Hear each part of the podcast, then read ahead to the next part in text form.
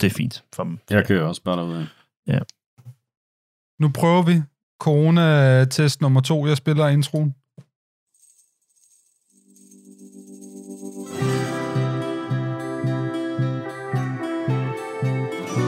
Ja, velkommen til alle sammen. Kunst er for alle, og fotografi er en del af kunsten. The light is the worst. I Fotoklub er der plads til alle, der vil udtrykke sig bag kameraet. Kære fotoentusiaster, gæster, medlemmer.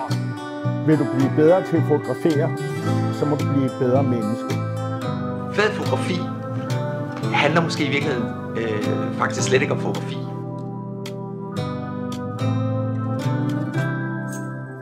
Velkommen til Fotoklubben med Christian Klintholm og Kim William Katton.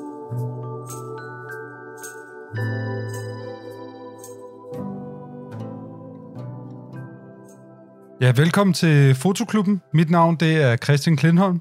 Og jeg hedder Kim William Katton. Og øh, hvis du synes, at vi lyder anderledes i dag, hvis der er stor forskel på, hvordan Kim og jeg vi lyder, eller der er måske, måske vi ikke lige så hurtige, som vi plejer. Vores pingpong er ikke lige så god, som den altid har været. Jamen, så er det fordi, at vi ikke sidder i samme rum. Er det ikke rigtigt, Kim? Jo, det er nemlig rigtigt, og, øh, og sådan må det være. Sådan er det for en masse andre, selvfølgelig også for os.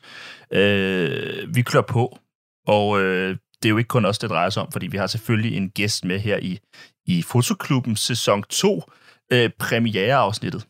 Og vores gæst sidder heller ikke hverken hos dig, Christian, eller hjemme hos mig, fordi vores gæst sidder hjemme hos sig selv. Fuldstændig nede i en kælder. Ja, direkte fra en kælder på øh, Amager. Velkommen til vores første gæst i sæson 2, Emil Ryge. Woo! Mange tak. Mange tak. Det kræver altså en klapsalve. Det er godt gået, det Ja. ja. her, det vil jeg sige. Og der sidder du, Emil, og du har jo også dit eget øh, gode udstyr med, så lad os håbe, at, at lyden ikke øh, er alt, alt, alt for ringe. Vi, vi satser. Vi gør, hvad vi kan. Det gør vi. Ja, vi vil, vi vil jo altså allerhelst gerne sidde sammen op til de afsnit. Det er noget, vi virkelig har, har, har...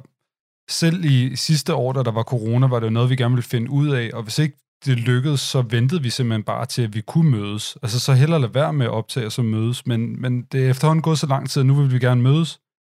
Øh, så er det bare online, og så må vi få det bedste ud af det, som det, som det går her. Mm-hmm. Præcis. Øh, og tusind tak, fordi du være med, Emil. Øh, hvis jeg må have lov til at, at introducere dig, så vil jeg gerne sige et par ord om dig, og introducere for dem, der ikke måtte kende dig. Det må du meget gerne. Hvem er det, der ikke kender Emil Ryge? Ja, hvem kender ikke ja, Emil kæmpe Ryge? spørgsmål. Kæmpe spørgsmål. Emil Ryge er fotograf uddannet fra Fatumorgana, og har også gået på Journalisthøjskolen i 2010, hvor han blev fotojournalist. Øh, Ja. Har lavet en masse projekter. Jeg kender ham blandt andet for et projekt, der hedder Lorteøen. Det er i hvert fald den danske titel, tænker jeg. Præcis. Øh, og så er der mange andre, der kender dig, og det er også fordi, at du er med til at uddanne den næste generation af fotografer på Film- og Fotoskolen. Vi gør, hvad vi kan i hvert fald, vil jeg sige. Ja, dig og Mette Jul og Laura Eriksen. Ja, ja, det er lidt længe siden Laura har været der. Det er faktisk hendes stilling, jeg sidder i, så det er Linda Hansen og Mette Nå, ja, og mig selv. okay. Nå ja, selvfølgelig. Og øh, derudover, så er du også vores konkurrent. Du er også vores kollega, men du er også vores konkurrent. Ja, der er plads til os alle sammen ude på internettet, tror jeg. Er der ikke det? Det vælger jeg altså. Nej, jo, selvfølgelig. Nej. Du, øh, du har nemlig også øh, en, en podcast og et nyhedsbrev. brev. Det er jo faktisk et nyhedsbrev først og fremmest, som hedder Dansk ja. Dokumentarisme, som du laver sammen med øh, Sire Nygaard, som både er din øh, øh, kone, men ja. udover at være øh, din kone, så er hun også øh, billedredaktør på øh, Information, Det er fuldstændig korrekt. og, og laver så det her sammen med jer. Og øh, ja, hvad kan man ellers sige? Du er jo også et udepræget udemenneske. Hvis man følger dig bare en lille smule på sociale medier, så ved man, at øh, du elsker at bruge weekenderne så meget udenfor, som du kan. Og det bærer dit fotografi sådan set også præg af. Altså familieliv eller udendørsliv. Øh, Ja. Og, og ligesom det her med at dokumentere den danske øh, natur. Præcis. Øh, og det er jo også det, dit projekt Lorteøen handler om. Ikke? Det handler ligesom om, om Amagerfællet mest af alt. Vil du ikke fortælle os lidt mere om, om det projekt?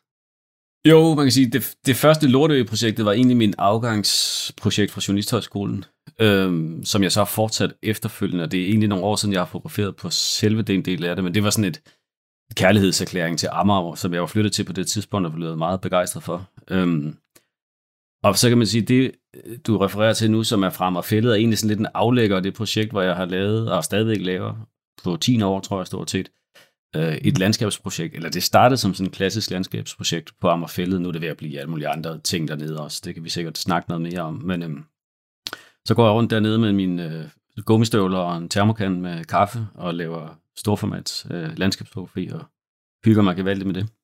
Ja, øh, storformatsfotografi. Altså første gang, jeg møder dig, det er jo faktisk på Ven, hvor at der var festival. Der Ja. var 25 års festival, tror jeg, for Fata Morgana, Supernova. Det er rigtigt. 2014, du. Og der tog du nemlig... øh, Var det 2014? Yes. Og der tog du storformatsbilleder også. Var det 8x10 tommer? Øh, Åh, dengang var det 4, 4 gange 5 tror jeg. Men det var det der wetplate-fotografi, som jeg sikkert tænker, vi også kan tale lidt om på et tidspunkt, men som er sådan, hvad kan man sige, en, en forlængelse af det almindelige storformatsfotografi, som er sådan en meget gammel, meget analog proces. Man laver på glas og aluminiumsplader, som jeg i en periode også har kastet mig over. Jeg kaster mig ud i alle mulige håbløse, meget langsommelige, meget besværlige processer. Ja, det er meget langsomt, fordi ikke nok med, at øh, altså, fotograferingen tager rigtig, rigtig lang tid også. Når man får taget sådan et portræt, så skal man godt nok sidde stille, og man må helst ikke blinke for meget med øjnene, vel? Nej, øjnene må faktisk godt blinke med, men eksponeringerne er lange. Øhm, Kim har faktisk prøvet det, har du ikke det, Kim, i, for meget længe siden? Jo, altså... Øh, Fik du jo, der fornøjelsen? Jo, jo, fordi jeg, altså, øh, jeg er jo, øh, hvad skal man sige, jeg er en advokat for meget af det, Emil han laver. Det, her, det har jeg været igennem tiden, faktisk. Det er lidt sjovt, det, det sad det jeg lige og tænkte på her i, i, i, i layoutet, eller vi skal sige, i oplægget her til, til det her Ja. afsnit. Jeg kender jo faktisk Emil, fordi at jeg stødte på hans fotografi, som han havde lavet dengang. Øh, i, det var i 2010, det var, så det har været Lorteøen-projekt. Øh, Og kurateret faktisk en udstilling på et galeri, der hed øh, Riga. Medkurateret en udstilling Det er nemlig rigtigt. med Emil, hvor vi havde Emil Ryge og Sanne Vils faktisk Mhm. mm-hmm. også. Og øh, det er først, så det er første gang, jeg stødte på Emil, men det er rigtigt, at i 2014, der var du jo på Supernova og lave øh, øh, din rigtig fine wetplate-fotografier. Det var det jo på grund af mig, kan man sige. Er det rigtigt? Hvorfor det? Hvor- Hvorfor var det på grund af dig? Det hænger, det hele det hænger sammen, ikke? Jamen det er fordi, jeg var med i nogle planlægningsgrupper øh, på Supernova Festival, og så sagde jeg til de andre, at prøv at høre her, hvis der er en ting, vi skal sørge for, så er det at få Emil ud med sit kamera, fordi så kan han lave nogle rigtig fine portrætter af dem, der måtte ønske det. Men det er jo også det her med at tage wetplate-fotografi, altså øh, hvor man ser billedet ligesom dukke frem, og man står og laver det live on the spot. Det er jo også et event i sig selv. Altså når, når, når du tager til Tønder Festival og tager billeder af musikere der, så er det jo lige før, det tager fokus væk fra helt selve festivalen og selve musikken. Altså fordi det er så meget et event at se det der billede dukke frem, ikke? Ja, det må man sige. Det er lidt af et cirkus, faktisk. Man skal ikke gøre det, hvis man øh, kunne tænke sig at snige sig langs panelerne og være øh, helt diskret med sit, med sit fotografi. Så er det ikke øh, den øh, metodik, man skal gribe fat i, tror jeg. Nej. Men det er til gengæld så er det nemt at få fat i folk, der gerne vil fotograferes. Det er de færreste, der siger nej til at blive udsat for sådan en omgang, når de først har set, hvordan det virker. Så det er sådan set meget smart. Ja, det er fantastisk. Skal vi snakke videre om Øhm. det nu, fordi vi skal snakke mere om det jo. Det skal vi. Og, og nu, Ja, altså jeg tænker, min rolle i dag, Kim, det er jo egentlig bare at sørge for, at I to, øh, altså det er jo at styre jer to, sådan, så det ikke kommer til at handle for meget om, hvad for noget campingudstyr, øh, øh, eller... Det kunne vi ellers godt. Det kunne vi godt snakke en 7-8 timer Nej, det kunne vi godt, ja. Det bliver sådan noget bioak-snak, det her, så bliver det bioak-klubben eller sådan noget. ja, ja. og, og det er ligesom det, jeg skal sørge for. Og så øh, derudover, så tænker I to vil sikkert også rigtig gerne snakke om store, tunge, langsomme kameraer, kan jeg forestille mig. Mm. Og ja, sådan, ja, for mange benspænd og sådan noget. Ja, Jeg vil snakke om lige det, vi snakker om. ja. I siger bare til. Ved du hvad, jeg vil rigtig gerne lige høre øh, først og fremmest om det her med Amagerfællet. Fordi jeg ved, du er engageret i snakken om Amagerfællet. Og øh, der er nogle politikere, der mener, at det her Amagerfællet, det skal øh, bruges til andet end natur. Vil du ikke øh, fortælle os lidt, hvad er status derude, og, og, og ikke mindst, er der noget, man kan gøre, hvis man gerne vil engagere sig i kampen for at bevare Ammerfældet? Øh, jamen, det er jo en lang proces, som har været i gang i mange år. Altså, Amagerfællet er det her naturområde, der ligger inde midt i København. I gang, i, en gang var det jo, øh, kan man sige, øh, en udørk på Amager. Men så er København ligesom ekspanderet rundt om Amagerfællet. Øh, og i dag ligger det inde midt i byen, og der foregår en meget højspændt politisk kamp lige pt. om, hvad der skal ske med det område, fordi der er nogle byggeplaner. Øhm, der skal bygges boliger til omkring 4.000 mennesker, og en folkeskole og et plejehjem og sådan lidt af hvert. Og det er for et område, som i forvejen er blevet decimeret ret kraftigt, og så DR ligger i dag der, hvor Ammerfældet var engang, og ligesom øh, hele Bella-centeret og alle de ting, der ligger der, golfbanen og Ørestaden er blevet bygget ovenpå den gamle fældet, ikke? Så det er, der er ligesom, det er sådan en salami-metode, som har været populær øh, i mange år. Man tager sådan nogle små slicer af det, og nu vil man så bygge noget mere lige midt i det hele. Øhm. så det er en lang proces, og der er så nogle rigtig gode mennesker, som har gået sammen og kalder sig Amager Fælles Venner, som er sådan en meget, meget græsrodsagtig NGO, som kæmper mod kommunen og by og havn og alle mulige kæmpe store spillere. Og dem har jeg jo hjulpet lidt hister her, når jeg kunne komme til det med at tage nogle billeder og sådan noget, som egentlig ikke har noget med mit eget fotografi at gøre, men mere sådan noget pressearbejde, øh, PR-arbejde, skråstreg aktivisme, skråstreg propaganda, hvad man nu skal kalde det. Mm-hmm. Og det er jo nok noget, man vil se lidt skævt på, der hvor jeg engang har gået i skole op på Journalisthøjskolen. Øhm, men øh, ja, det er også en lang snak. Øhm, men hvad kan, hvad kan man gøre? Det ved jeg ikke. Man kan, man kan bestikke øh, borgerrepræsentationen til at stemme anderledes, end de gør. Altså, det, det er ved at være snært på, at de har lige stemt om noget i teknikforvaltningen, og så skal det øh, vedtages endeligt i borgerrepræsentationen. Øhm, men man kan starte med at gå på Facebook, hvis man er der, og så kan man finde ham og fælles venner og like deres side, så kommer der jævnligt alt muligt øh, udkald til demoer og indsigelser, man kan skrive, og alt muligt hul mig. Så det er et godt sted at starte. Ja. Var der jo ikke, der er ikke så meget tilbage af det i København, så det er også et vigtigt sted at starte, synes jeg. Præcis. Der er jo også en anden ting til det, tænker jeg. Der er jo, der er jo altid den her idé om, om desværre, øh, når, når græsrødderne skal kæmpe mod de større byråkratier, så er der også bare øh, langt mere, øh, øh, hvad skal man sige, benzin i tanken hos, hos de store. Ikke? Altså, det er jo, der er meget, og i fælder, det kan du måske snakke øh, mere om, Emil, men, men i andre, i andre sammenhæng, øh, hvor man som græsrusbevægelse har forsøgt at øh, bevare nogle bevaringsværdige steder, så betyder det jo ikke nødvendigvis, at en vundet, øh, hvad hedder det, hvad skal man sige, et vundet, øh, en vundet, en vundet kamp af, af et vundet slag, eller sådan, der, det bygger oven på hinanden hele tiden, ikke? Og de der byråkratiske mm. processer, de har det lidt, mere bygge oven på sig selv og, og fortsætte. Øh. Ja, ja, så er det bare en, det er jo en ulige kamp, og det er jo også det, der gør det så fascinerende at følge. Altså, da jeg startede med det her fotoprojekt, så var det meget sådan klassisk 4-5 tom storformat mm. landskaber. Øh, øh, relativt smukke, fordi jeg var meget vild med et område inde midt i København, som var så relativt vildt og urørt, troede jeg. Og så bliver man selvfølgelig klogere, øh, når man dykker ned i ting og finder ud af, at der er ikke noget, der er vildt og urørt nogen steder. Heller ikke Amagerfællet, men det er stadigvæk, hvis man er der, væsensforskelligt fra en park, for eksempel. Tingene får lov til at gro, og der går dyr dernede nu for ligesom at holde tingene nede, og øhm, alle sådan nogle ting, ikke? Men det, man kan sige om kampen, er, at du har ligesom på den ene side Københavns Kommune, så har du By og Havn, som er sådan et anlægsselskab, som kommunen ejer sammen med lidt med staten, hvor man, som er dem, der også bygger metroen, hvor man, hvor man parkerer nogle grunde, og så skal man sælge dem for at tjene nogle penge, så man kan bygge, bygge metroen. Det er dybest derfor, man om at fælde det, fordi man skal bruge de penge, og man har brugt dem allerede på metrobyggeri. Mm. Men, men det er jo kæmpe store adresser de dyre steder, kæmpe dyre advokater, PR-afdelinger, pressefolk, alt muligt hul mig.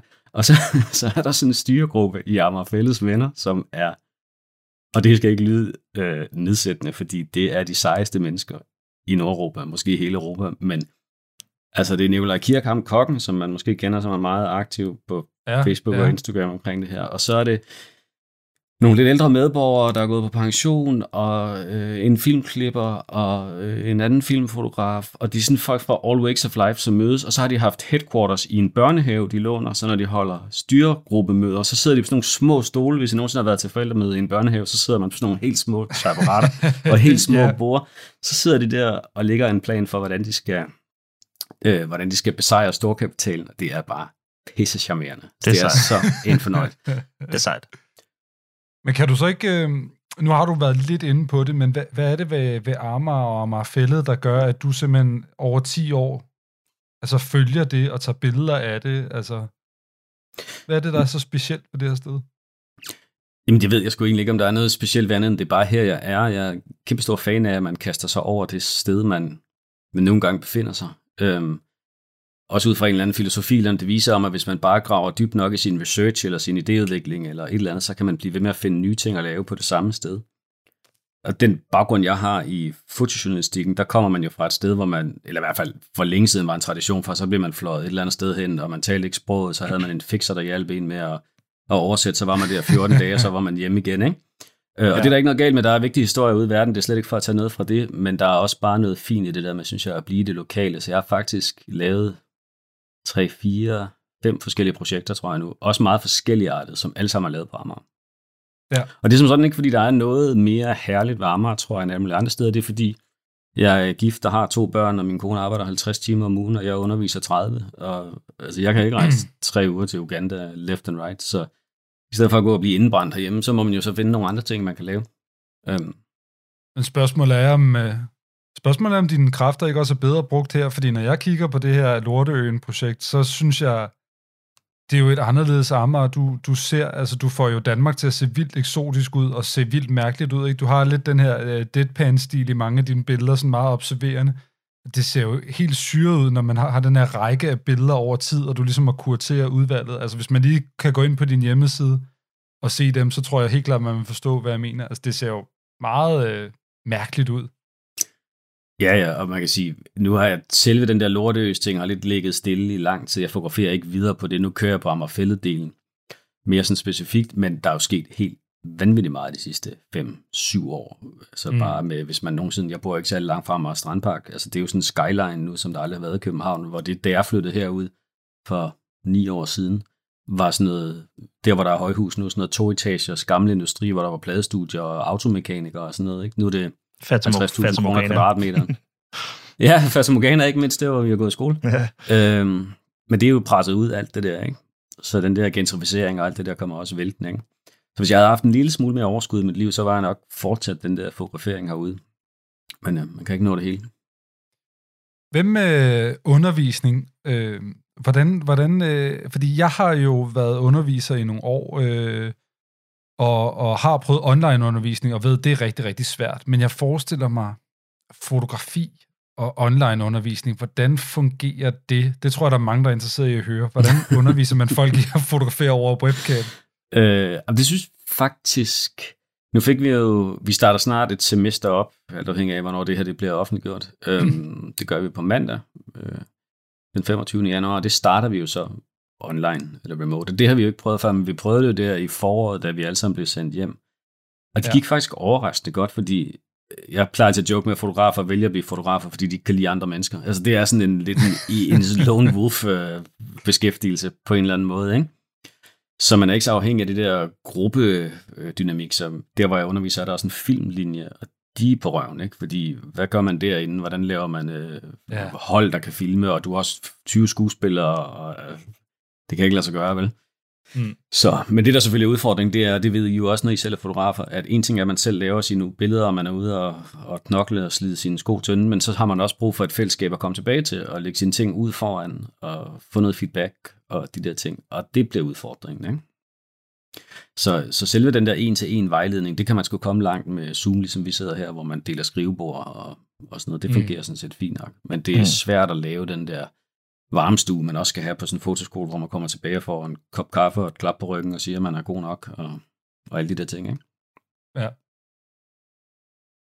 Men I, øh, I stiller dem stadigvæk opgaver, og I har stadigvæk gennemgange, og der kommer Ja. ja. gæstelærer, og hvad er der også oplæg fra inspirerende folk og sådan nogle ting? Ja, det er jo så det, er jo så det positive af det, kan man sige, at at øh, før coronaen, der var det jo sådan, jamen dem, der skulle komme ud og holde foredrag, vi har gæster hver 14. dag, der kommer ud og holder et foredrag, øh, de skulle jo ligesom kunne komme ud på skolen og stå der øh, Mm. på en eller anden måde.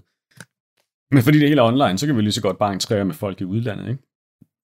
Så vi har en masse tråde ude lige nu til folk i Norge, Sverige og USA og England og alt muligt hul om hej, for der er jo ingen grund til, at det er jo lige meget, om vi sidder i København og, Ja, ja. og med Det har aldrig øh, været bedre. På, det er så, på, så, jamen, jeg mener bare, man kan jo ikke sætte sig ned og blive ved med at tude, så må vi jo sige, hvad kan vi gøre? Altså, hvad er der er gode ting ved det her, ikke? Så, så vi har alle mulige øh, tråde lige nu. Jeg håber, nogle af dem øh, fører til noget. Det er sjovt, ikke? Fordi jeg, jeg, har, jeg har det her... Øh, det, det er først nu, at, at, at det for mig er gået op. Gået op for, det er først gået op for mig nu, hvad, hvor kraftfuldt et værktøj det egentlig kan være og, i den her undervisningssammenhæng at kunne hive for nær og fjern, ikke? Det har, man, det har man jo kun i lang tid. Men jeg ville da ønske, at jeg på nogle af de skoler, jeg havde gået, også selvom at jeg ikke gik der, da der var corona, havde benyttet, øh, havde, havde, havde, at, at lærerne eller underviserne havde benyttet sig af den her teknologi. Fordi, altså, ja, og især fordi det er fotografi, vi dealer med, ikke? Vi har så mange idoler siddende rundt omkring i verden, alle sammen, som der har Præcis. som der potentielt set viser sig nu at være meget, meget nemmere at komme i kontakt med, øh, Ja, ja. end hvad før antaget var. Det synes jeg er lidt spændende. Det var sådan, jeg kan da huske fra, fra min skoletid, både i Sverige, men også på Fata Morgana, at der sad man da hver især og tænkte, ej, hvis bare man kunne få fløjet X ind, eller få kørt Y ind, ikke? Præcis. Øh, from Ja, det kan man jo bare gøre. Ja, det kan man jo ikke bare gøre. Der er sådan noget med tidszoner og sådan noget, man skal jonglere rundt med. Ikke? Men det er nemmere, Nå, men det er bare det, jeg mener med, at, at det er jo et færre spørgsmål, Christian, og selvfølgelig vil vi alle sammen helst sidde derude og se hinanden i øjnene. Og, Ja, det forstår og jeg. Det, det, alt undervisning er, der er jo sådan en dynamik, og som underviser, især i de her fag, hvor man jo skal prøve at altså, føle sig lidt frem, presser man nogen for meget, eller skal man gå mere til stålet for at få dem til, altså det er jo sådan hele tiden en balance og sådan noget. Det er sgu lidt svært, hvis der sidder sådan 20 små frimærker på sådan en Zoom-møde, og de sidder alle sammen på deres ene værelse, de bor på i nattøj, og det, det er sådan lidt svært at, lidt svært at, at få det sådan helt op og ringe med den gode stemning. Ikke? Okay, Men jo. en til en fungerer det sådan set fint nok. Ja. Har det bragt nogle øh, spændende projekter med sig? Er der nogen, hvor de sådan virkelig har tænkt ud af boksen, eller er der kommet noget, hvor man tænker, det havde jeg nok ikke set, hvis ikke det var... Ja, men altså, vi arbejder altid, min kollega Linda Hansen øh, excellerer rigtig meget i selv at lave selvportrætter, og er rigtig dygtig til at lave noget rimelig råt fotografi med sig selv, så hun kører jo som regel altid sådan et selvportrætsprojekt alligevel Ah, med vores ja. Og det fik ligesom lidt mere gravitas der i foråret, da folk sad hjemme og var lidt øh, halvparanoide. Altså før man rigtig vidste med det her corona, hvor meget det smittede, og vi troede alle sammen, at vi ikke turde gå ned og handle, og vi var lige ved at dø, og havde vi lidt ondt i halsen Ja. og sådan Altså, så jeg vil sige på igen det der, hvis man skal tage ja den på, ikke? så var der ligesom, lige pludselig var der noget øh, på spil øh, på en måde, ikke? Så. Ja. det kan man da sige, der kom noget ud af. Men, øh, men jeg kan også godt mærke, jeg er jo lige blevet 40, ikke? og det er jo lidt gammelt. Altså, og jeg snakker meget med min kone om, det liv, vi lever nu, er ikke væsensforskelligt fra det almindelige liv, vi har. Det er lidt deprimerende at indrømme. Men vi lever jo i sådan de facto isolation til daglig, faktisk. Vi har to Ja. børn, der skal hentes og bringes, og der skal laves mad, og vi er hjemme, og så er vi lidt i skoven i weekenden, og det vil vi være alligevel og sådan noget.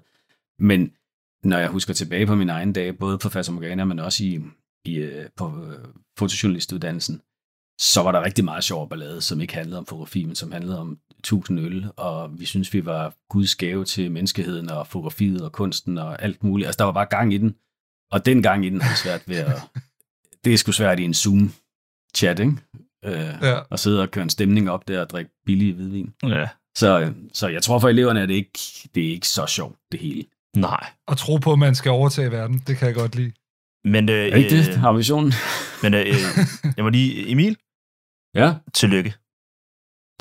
Du er blevet 40. ja. Det kom vi hurtigt, det kom vi hurtigt over, men det er da en stor ting, 40 år. Det blev jeg i april, øh, da der var lockdown, det passer mig for rygende. Jeg er ikke så god til store fejringer, Nej, så så det er sådan, det skal være. det var ligesom det skulle være. Perfekt. Du fejrede det med en campingtur og nogle pandekager, forestiller jeg mig, Ja, på noget et gasblus eller sådan noget. Noget af den dur, så er jeg glad. Jeg har, jeg har ikke hørt noget dårligt om 40'erne. Nej, jeg ved ikke, hvor gammel du er. Hvor gammel er du, Kim? Øh, jeg bliver 36 lige lidt. Det siger man kun, hvis man er en lille dreng, ikke? Ja, ja, du, jeg er 35. Ja, jeg er 35 et halvt. jeg, er, jeg er 35 år. Hvor, hvorfor siger du, at jeg bliver snart 36? Ja, Kim? det ved jeg ikke. Det, må have, det, var, det, var en, det var en slip, men det må være, fordi Ja. jeg tænker meget over, at det bliver 36 år gammel lige om lidt. Ja. Ja, Åh, ja. jeg tænker... ja, det kan jeg godt forstå. Ja, jeg er 35. Det er en forrygende alder. Ja. Jeg har et tyndt empirisk grundlag til at udtale mig om, de, om 40'erne her på, på lige knap et år, men indtil videre går det forrygende. ja, godt. Lockdown og Ja. lige bare hjemme. Det er dejligt, ikke? Ja. Ja, jeg må også sige, om det passer mig helt forrygende, det her. Altså, med al respekt for dem, der kæmper i det, så har jeg det rimelig godt med at sidde hjemme om fredagen og ikke lave noget. Det er det, det er ikke væsentligt forskelligt fra, den, altså fra mine fredage før øh, corona, så det, jeg skal ikke, der er vidderligt mange, der har det noget strammere, end jeg har det, så jeg er ikke rigtig i en position, hvor jeg kan brokke mig. Ja, altså, kan man være et bedre sted end forholdsvis sund, øh, gammel nok til ikke at behøve at fyre den af længere, men ung nok til ikke at være i farezonen, øh, børn, der skal passes, mad, der skal laves, og øh, en generel tilfredshed med at være øh, til stede, som man bare rundt på i forvejen. Ja, og så, Det er sådan, og så plus, at, at vi også i den alder, hvor vi har opgivet håbet om at ændre verden via fotografi. Kim, Ja, prøv at forestille, ja, ja, ja. Prøv, Nå, men, Kim, for at forestille dig, at der var nogen, der havde spillet det der lydklip for dig, da du var 19 år gammel. Ej, du vil have dig selv, Kim. Du vil have dig selv. Noget, jeg dog er lidt ked af, det er, at man ikke kan optage mere øh, Fotoklubben. Og øh, en anden podcast, jeg egentlig også godt gad høre lidt mere fra, det var jo Dansk Dokumentarisme. Booyakashar. Hvordan, øh, det var oh. din segway i øvrigt. Hvordan, øh, hvordan går det med dansk dokumentarisme? Hvad, hvornår kommer der noget nyt fra jer? Hvad har I gang i? Ja, men det går jo lige så stille og roligt, som det er. Det går altid stille og roligt. Øh, vi har en ambition om at sende det der nyhedsbrev ud fire gange om året. Øh, og det er vi ved at være der nu her, øh, midt i januar, hvor vi skal til at gøre igen. Jeg sidder med det de her dage og prøver at få... Det tager længere tid, end man skulle tro at ja, samle. Det er også et langt nyhedsbrev. Det er et meget langt nyhedsbrev, øh, og det er ikke ja. så meget det at skrive det der så tid, det er dels at holde overblikket, øh, og så er det at få samlet alting ind, fordi vi spørger jo alle, om de vil være med med deres billeder. Og så kommer vi jo til at være så uforsigtige også at starte den der podcast, og det er jo øh, tidsmæssigt mareridt. Øh, det tager jo så lang tid at lave. Altså det får det andet til at blegne fuldstændig. Ja. Men der er masser af ting i støbeskeen faktisk også, så det er lige et spørgsmål om at finde tiden til at lave det. Men, øh, men det, der er masser af planer for uh, nye podcast-episoder. Vil du løfte ja. sløret for noget? ja, lige nu, lige nu sidder vi og, lige nu sidder vi og, og klipper på en episode, om, der handler om noget så opløftet som døden. Okay. Om hvordan man fotograferer døden. Og vi skal videre øh. til... Nej, nej. bare, lige for, bare lige for at sprede lidt god stemning. Så, øhm, jeg synes jo noget af det, dej, jeg synes jo noget af det dejlige ved jeres øh, projekt i, i dansk dokumentarisme, det, og det mener jeg meget oprigtigt det her, det er, at, øh, at udgangspunktet, og altså ikke en tilkobling, men udgang, udgangspunktet er et nyhedsbrev. Det er fantastisk. Og det, og det, det synes jeg, jeg, øh, ja. jeg er så glad for det format. Jeg synes, det er ja. så dejligt at modtage et nyhedsbrev. For, Jamen, ideen var også, ja. at vi, vi ville ikke lave en Facebook-side Nej. eller et eller andet, fordi for det første, jeg har sgu mange venner, ikke så mange fotografer, men mange andre, der forlader Facebook øh, rimelig øh, hurtigt tempo, og også Instagram og sådan noget, ikke? Og når du først har bygget den der mailingliste op, så er ideen jo, at der, der burde ikke være en gatekeeper, der burde ikke være nogen, der kan putte dig ned i en eller anden algoritme, og så forsvinder du fra folks øh, mm. Øh, feed, ligesom du kan på Instagram eller Facebook, så laver de om på et eller andet overnight, og så tch, er der ikke nogen, der ser det, du skriver nogensinde, medmindre du betaler for det. Jeg synes, det er fedt. Det, det minder mig lidt om, at, at, altså i gamle dage, da jeg abonnerede på blade og fik det ind af brevsparingen og sådan nogle ting. Det, altså det her, det er det gode brev, ikke? Det er en lang nyhedsbrev, og jeg kan virkelig godt lide at læse det. Der er rimelig meget læst op, vil jeg sige, hvis man kører det hele igennem og følger linksene ud af, ikke? Hvis man gerne vil have øh, dansk dokumentarisme i sin indbakke, så kan man gå ind på danskdokumentarisme.net og øh, skrive sin e-mail ind der. Fire nyhedsbrev om året, og e-mailen bliver ikke brugt til noget andet. Nej, det gør den ikke. Bummelum. Kim, øh, skal vi hoppe videre til næste segment og prøve at se, hvor godt det går over Zoom, over vores lille øh, internetforbindelse her, hvis vi prøver at synkronisere det næste segment, ja. som vi kalder De, De ti skud. Og ellers så eftersynkroniserer vi lyden. Det bliver godt. Ja, Emil Ryge, det er blevet tid til de 10 skud, hvor at, øh, vi fyrer en masse rapid-fire questions imod dig. Øh, en masse hurtige spørgsmål, hmm. hvor vi skal blive kloge på, hvem du er som fotograf. Ja. Er du, øh, vil du tage den første, Kim? Ja, vil du hvad, øh, Emil, vi skal høre, hvad var dit allerførste kamera? Allerførste. Oh, det var et gammelt Nikon, jeg lånte af min far. Kan du, kan, ved du, hvad det var for en Nikon? Hvad hed de? Det hed ikke Nikon, det hed Nikon NOS, tror jeg. Gjorde det ikke det? Åh, oh, sådan et. Jo, jo. Øh, ja, nærmere kan jeg ikke komme det. Et spejlerflex. Du skal... Ja. Din far, han var Nikon-mand. Fedt. Videre. Emil, hvad, øh, hvad er dit yndlingskamera? Åh, oh, jeg kan virkelig godt lide at fotografere med mit store... Jeg har sådan et rigtig lækkert stort format. Et Ebony. Øh, sådan et øh, mahoni og titanium og læder kamera. Som bare er... Det er bare Ferrari'en, altså. det er sådan næsten, man glemmer at tage billeder, fordi man bare står og kigger på det der kamera og tænker, hold kæft, for det et lækkert kamera, det her. Er 8-10? Ja, det er 4-5 det her. Jeg har okay. 8-10, men det er noget andet. Det er ikke helt så lækkert. Nej, lækkert fedt. Nå, men altså, øh, det var dit eget kamera. Har du en yndlingsfotograf? Øh, nej, ikke en. Men jeg har et billede med, jeg tænker, vi skal snakke om senere, som er, rangerer højt på listen, vil jeg sige. Okay. Okay. Hvem, øh, hvad, hvad er dit yndlingsmotiv? Altså, hvad kan du godt lide at tage billeder af? Åh, oh, Det, og så skal jeg bare svare hurtigt. Bare hvor du tænker umiddelbart først og fremmest. Nej, det skal jeg sgu ikke. Jeg har fotograferet rigtig meget af min familie, det kan jeg virkelig godt lide. Og så fotograferet jeg rigtig mange landskaber, og det kan jeg også virkelig godt lide. Sådan. Var det for mange svar? Var det var to svar jo? Jeg synes, det er helt fint Det svar. Du har taget også. nogle virkelig sjove billeder af din familie her for nylig. Det, det, det har jeg nyt meget. Den her coronatræthed, der er havet i familien. Dejligt. øh, Der har været lidt gang i den i periode. Ja, det er faktisk et stort projekt, jeg har fotograferet på, i også lige siden de blev født, så det er også snart 9-10 år. 9 år.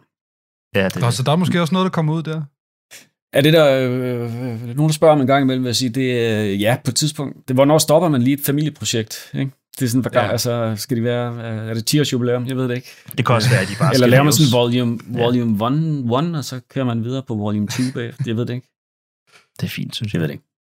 Men der er rigtig mange, og det er med fokus på kaos og råb og skrig og alt det sjove. Mm-hmm. Mm. Hvad hedder det? Vi, nu kender vi jo til din fars øh, præference, men hvad med dig selv? Er du Canon, eller er du Nikon-mand? Øh, jeg har et Canon. Af historiske årsager. Af historiske årsager har jeg et digitalt Canon. Et Canon øh, 5D Mark 2. Tre. 3. Oh, 3. Ja, okay, okay, Ja, ja. okay. Ja. Jeg ved ikke engang, hvad de nået til. Fem, Nej, det ved fire, jeg. fem, Det, jeg, fem. jeg aner det ikke. Jeg ved bare, at det, at, at, at det kamera, det har defineret en masse. Jeg elsker det.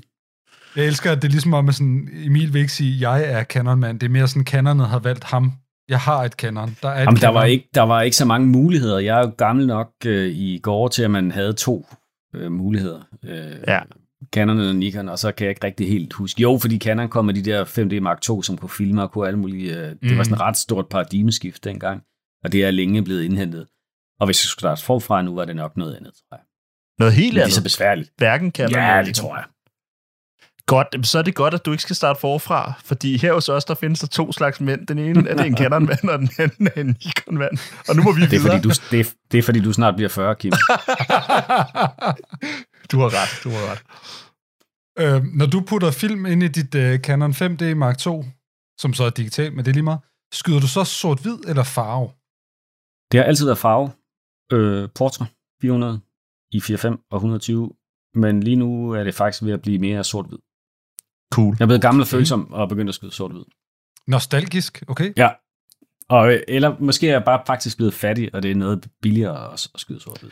Du mister, ah. Ah. du mister en tilhænger hos Christian, han er jo til farveflader. Er det rigtigt?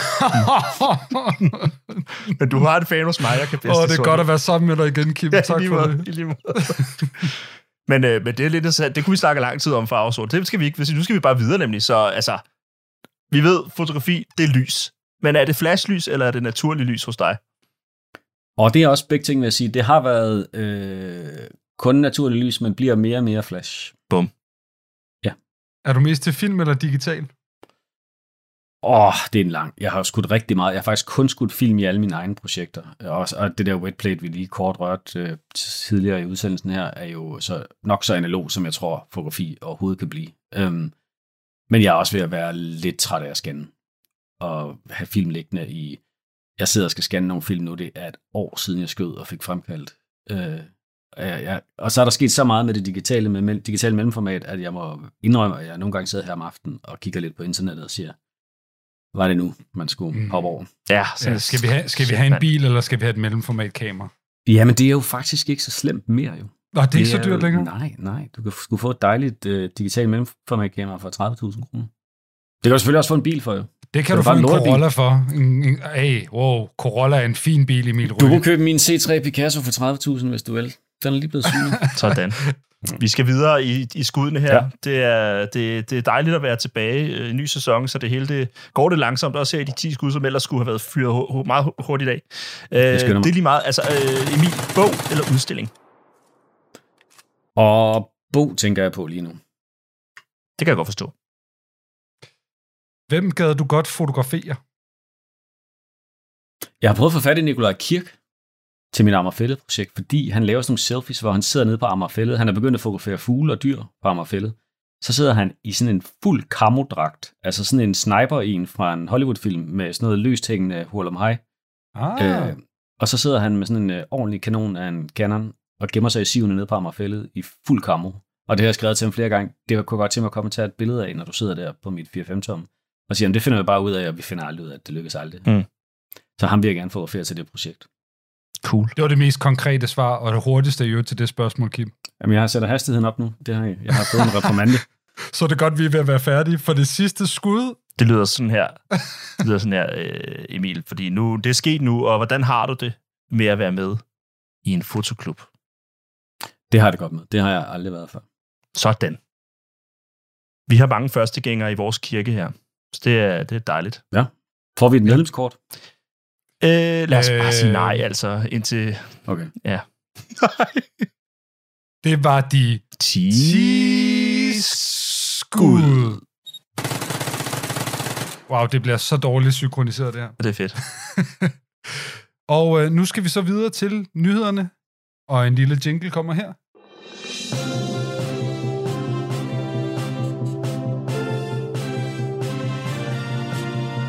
Velkommen til nyhederne med Christian Klindholm.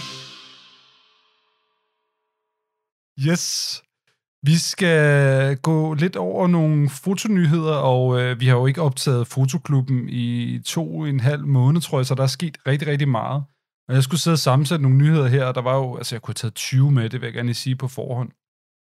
Men øh, lad os starte i indland, og det mest presserende, øh, faktisk så meget så, at vi er blevet kontaktet, Kim, på Facebook med folk, der mm-hmm. sagde, hey, har I set det her?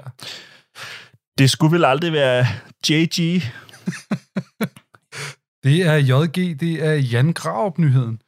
Øhm, og det her, det er vel, altså, vel næppe en nyhed, men nu vil jeg prøve at opsummere kort her. Øh, Jan Graup, vel nok, øh, vil I ikke sige, Danmarks mest øh, kendte fotograf? Danmarks største fotograf? Jo. I hvert fald øh, uden for fotokredse, tror jeg. Måske også indenfor, men i hvert fald er jeg sådan minimand. Ja, E- enig. Jo. Tror jeg ikke? Jo, det vil jeg sige. Det er, i hvert fald, ja, det er sådan, jeg i hvert fald tænker på det. Og øh, øh, Jan Graup, han har en ven, der hedder Jes Dorf, og Jes Dorf har været i nogle problemer med TV2. Der er en gammel sag der. TV2 vil ikke længere øh, benytte sig af Jes Dorfs tjenester, og det er Jan Graup ikke så glad for. Så nu har Jan Graup været ude på sin øh, Facebook og sige, at han ikke længere ansætter øh, kvindelige fotografer. Bum. Øh, bum. Øh, og det er der så kommer en masse interviews ud af, en masse artikler. DR har skrevet om det. Journalisten er nok dem, der har dækket den mest. Øh, forskellige folk har udtalt sig om det. Fryd Frydendal, som så er leder af Fata Morgana nu her. Øh, Sisse Strøger har også udtalt sig om det. Og jeg mener også, at øh, din kone, øh, Sid Nygaard, har Mhm. mm-hmm. udtalt sig om det. Det har hun også. Men, men hvad kan man sige? Der er jo meget at, at, at sige om, om, om det her med, øh, med Jan Graup, men han, han mener, han gør det her for at beskytte sig selv. Han vil ikke ansætte kvindelige fotografer, fordi han ved ikke, om de lige pludselig kan øh, dolke ham i, i ryggen. Ja. Jeg har egentlig ikke, jeg vil sige lige på forhånd, for lige at moderere debatten her, fordi det her, det kunne man snakke om for evigt. Jeg synes, det er vigtigt, at for lige at holde det, fordi fotoklubben er sgu... det er sgu ikke deadline, det her.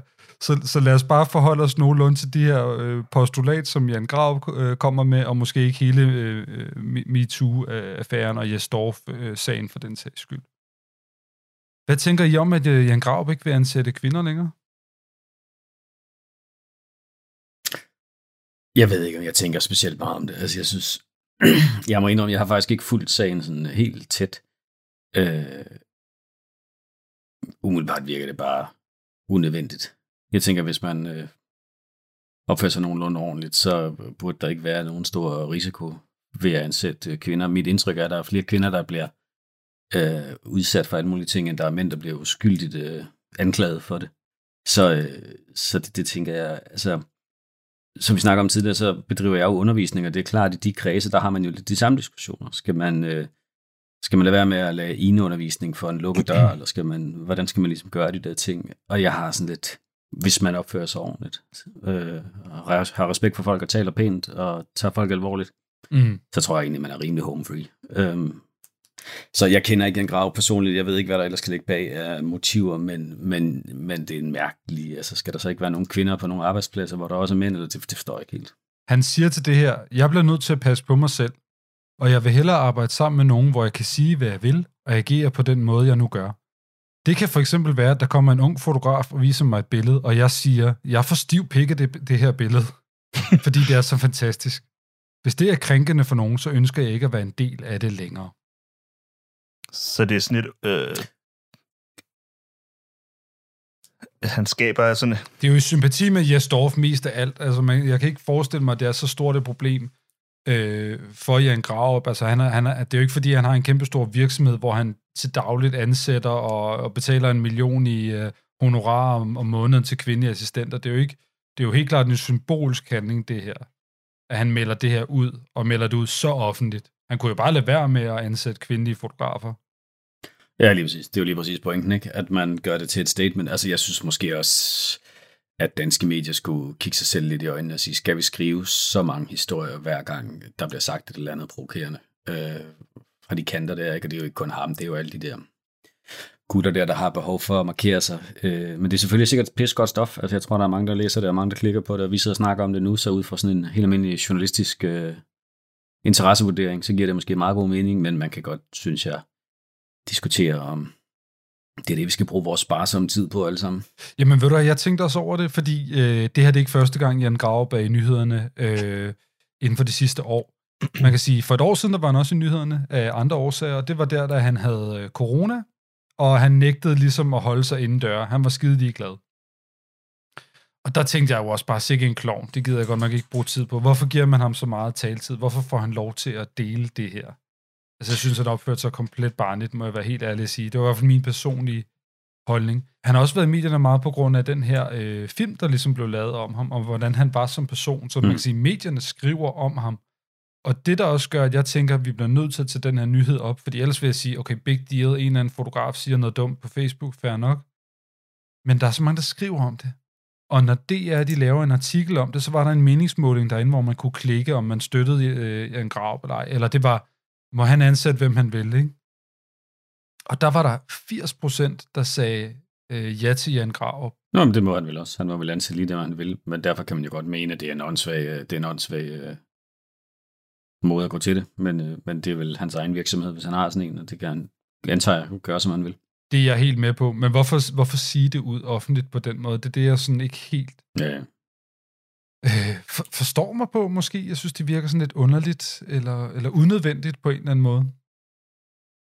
Men det, det, det altså, nu, hans udtalelser og, og hans mening omkring, hvad man vil ansætte og ikke vil, det er hans, tænker jeg, det er hans individuelle, individuelle indspark i en mere sådan generel øh, antibevægelse til MeToo-bevægelsen, som man jo også ser figurere, ikke kun i Danmark, men på verdensplan. Der er masser af mænd, der øh, ønsker et eller andet øh, form for ideal øh, opretholdt, eller øh, ikke ønsker, at tingene bliver så omstøbt, som de gør i øjeblikket, hvad angår øh, kønnenes placering i forhold til hinanden. Og det tænker jeg, og det, jeg siger det bare fordi, at jeg, jeg tænker på, at du lige nævnte øh, Christian, at der er rigtig, rigtig øh, mange, der er inde i hvert fald den der poll på Facebook, øh, taler sig ind i en i, hvad hedder det, i Jan Graups øh, favør.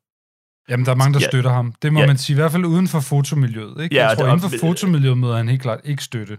Nej, og det er det, jeg, øh, det, er det, jeg mener. Der, der er jo, der sidder rigtig mange derude, der synes, at det, der foregår i en større øh, paraply i forhold til MeToo er mangel på bedre måde at sige det på herfra, øh, ikke er i orden. Og jeg tror, han, øh, han taler deres sag. Ja, det tror jeg, du er helt ret i. Altså, det er jo sådan en øh, identitetskamp eller, ja. eller kulturkamp ja. på en eller anden ja. måde.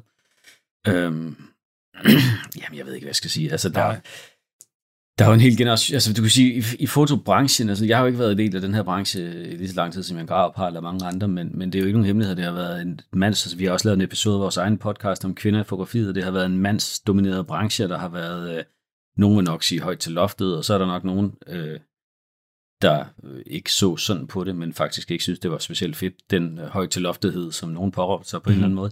Men altså, der har jo været den der sådan mandehørm, øh, høhø tilgang til det, macho. Øh, mm. Og det er jo ved at ændre sig helt vildt. Altså, vi kan jo næsten ikke få nogen mænd ud på vores skole. Øh, det er ikke, ikke fordi, vi vil hellere have mænd, men vi vil gerne have et mix af mænd og kvinder, men det er næsten kun kvinder, der kommer igennem, og der er øh, i hvert fald lige så mange kvinder, som der er mænd på, selv på fotojournalistuddannelsen, som jo var sådan en domæne for mænd og store ølmaver Ja. og store Nikon-kameraer for rigtig mange år jo. siden. Ikke? Det har ændret sig igennem mange år. Øh, og jeg tror, der er sådan, så der er ligesom nogle folk tilbage i branchen, som med en eller anden form for, og her taler jeg ikke nødvendigvis om Jan Grav, fordi jeg kender ham ikke, så jeg ved ikke, om det er ham, men det er bare mit indtryk, der er nogen, som savner de der gamle dage, hvor der også var mange flere penge, og det var meget sjovere at være fotojournalist, du kunne champagne flød, og, og der var gang i den, mm. ikke? Nu er der kriser, og nu kommer kvinderne fandme også væltende, ikke? Og, og det er der måske nogen, der takler på forskellige måder. Jeg synes, det er forrygende, at vi varierer vores visuelle fortællinger og de stemmer, der mm. er derude. Jeg synes, det er pissefedt. Vi øh, halter på mange andre områder omkring etnicitet og sådan noget. Det er stadigvæk øh, utrolig vidt øh, øh, hele vejen rundt, men, men det må, må, kan måske komme i næste ombæring. Mm. Ikke? Men øh, jeg synes bare, det er positivt. Så han træt af, at han ikke kan sige, at han får stiv pik og et eller andet. Ja, men så er det jo hans, det er jo hans altså, hvad fanden kan man gøre? Altså, Ja, det så, så er heldigvis enormt mange øh, enormt solidariske, rare, flinke, pissedygtige fotografer derude, man så kunne søge assistentpladser hos i stedet Jo. for. Ikke? Mm. Øhm, Man kan følge kommentarsporet ind på vores øh, Facebook. Inde på Facebook, ja, der har vi en, øh, en lille tråd om det, hvor man kan se, hvad folk mener. Der er nogle rigtig gode, øh, sjove holdninger. Folk har meget forskellige måder at udtrykke sig på. Ja. Øh, om det er vores tidligere gæst Cecil eller andre, øh, der er mere eksplicit i deres holdning. Øh, under alle omstændigheder så vil jeg sige, Jan Graup han siger, der er ikke noget, jeg hellere vil, end at arbejde sammen med kvindelige fotografer. Det er jo enormt trist, for de er virkelig dygtige. Jeg tror øh, også, at jeg har noget at byde på. Øhm, og så kan man jo sige... Det, jeg, Ej, så må han lige her- vel, så må han altså lige finde ud af, hvad han vil. Ja, fordi det her, det er jo ikke, fordi han, vil, han håber jo ikke på en løsning, kan man sige. Eller det er jo ikke at Nej. indbyde til dialog øh, at gøre det her, vel? Nej, det er en uny... Det er... Nej. Det ved jeg ikke. Jeg, jeg tror også, altså jeg kan sagt, jeg, jeg tror godt, jeg vil til, jeg kan godt tilslutte mig øh, både din, Christians, øh, holdning til, at der er en grund til, at vi sidder og snakker om det nu i fotoklubben, men jeg kan lige så godt tilslutte mig øh, Emils holdning om, øh, kring, at det burde fremstå som en lidt en ligegyldighed i et større spektrum af nyheder, som er vigtige at tale om. Fordi mm. det føles... Men det, men det er også... Jeg synes, den leder lidt tilbage på Jan Graup selv. Han er en karakter. Han er... Jeg vil gerne sige, at han, han er kendt. Han er kendt blandt mange. Han har en stemme. Mm. Mm-hmm. Han er, rigtig dy- altså, han er rigtig dygtig, det vil Ja, ja, jeg ja. ikke sige noget. Nej, nej, nej. Han er, han er dygtig, han har arbejdet hårdt, han har lavet noget virkelig vigtigt arbejde. Ja, folk altså, lytter, der er ikke folk, noget der. Nej, og folk lytter til ham. Han har en fanbase. Øh, øh, men hvorfor, øh, hvorfor, hvorfor, skal, hvorfor, hvorfor, skal, hvorfor skal det her uden for, for hans privat? Altså, hvorfor skal det ud? Nej. Ja, altså, jeg, jeg er også, den er jeg også med på. Jeg synes, det er en sær Ja. Lille grumse nyhed, som jeg ikke havde øh, behøvet se blæst op i den størrelse, den er blevet Ja. i første Skal vi omgang. bare... Øh, har vi selv været med bare- til at blæse den endnu større op, men altså, Jeg, vil, jeg synes bare, vi skal lukke den her, og så sige, hvis der er, nogen, hvis der er nogen, der er i tvivl, i hvert fald for mit vedkommende, så må jeg sige, jeg, jeg, jeg, synes, øh, jeg synes, han er en klovn, når han siger sådan noget her. Og så lad os komme videre, lad os være med at bruge for meget tid på det. clown. Øhm, så har jeg en anden nyhed til. Nu sender jeg lige noget her. Vi skal til øh, udlandet, fordi der har der sket nogle meget, meget øh, vigtige og sjove ting. Ja, vi skal snakke mere politik. Jeg synes egentlig bare, det var så stor en nyhed, øhm, at jeg var nødt til ligesom at dele den og vende den. Fordi Harry Styles, øh, Emil Røge, nu er du jo øh, over 40, kan vi etablere. Ja. Han var med i et boyband, der hed One Direction. tak, tak Christian. Tak. Sidenhen er han gået solo. Ja. Og er, er lidt ud over at, at være en, en, en, en dygtig musiker, så er han også et, øh, et stilikon. Er det ham, jeg sidder og Åh. kigger på nu?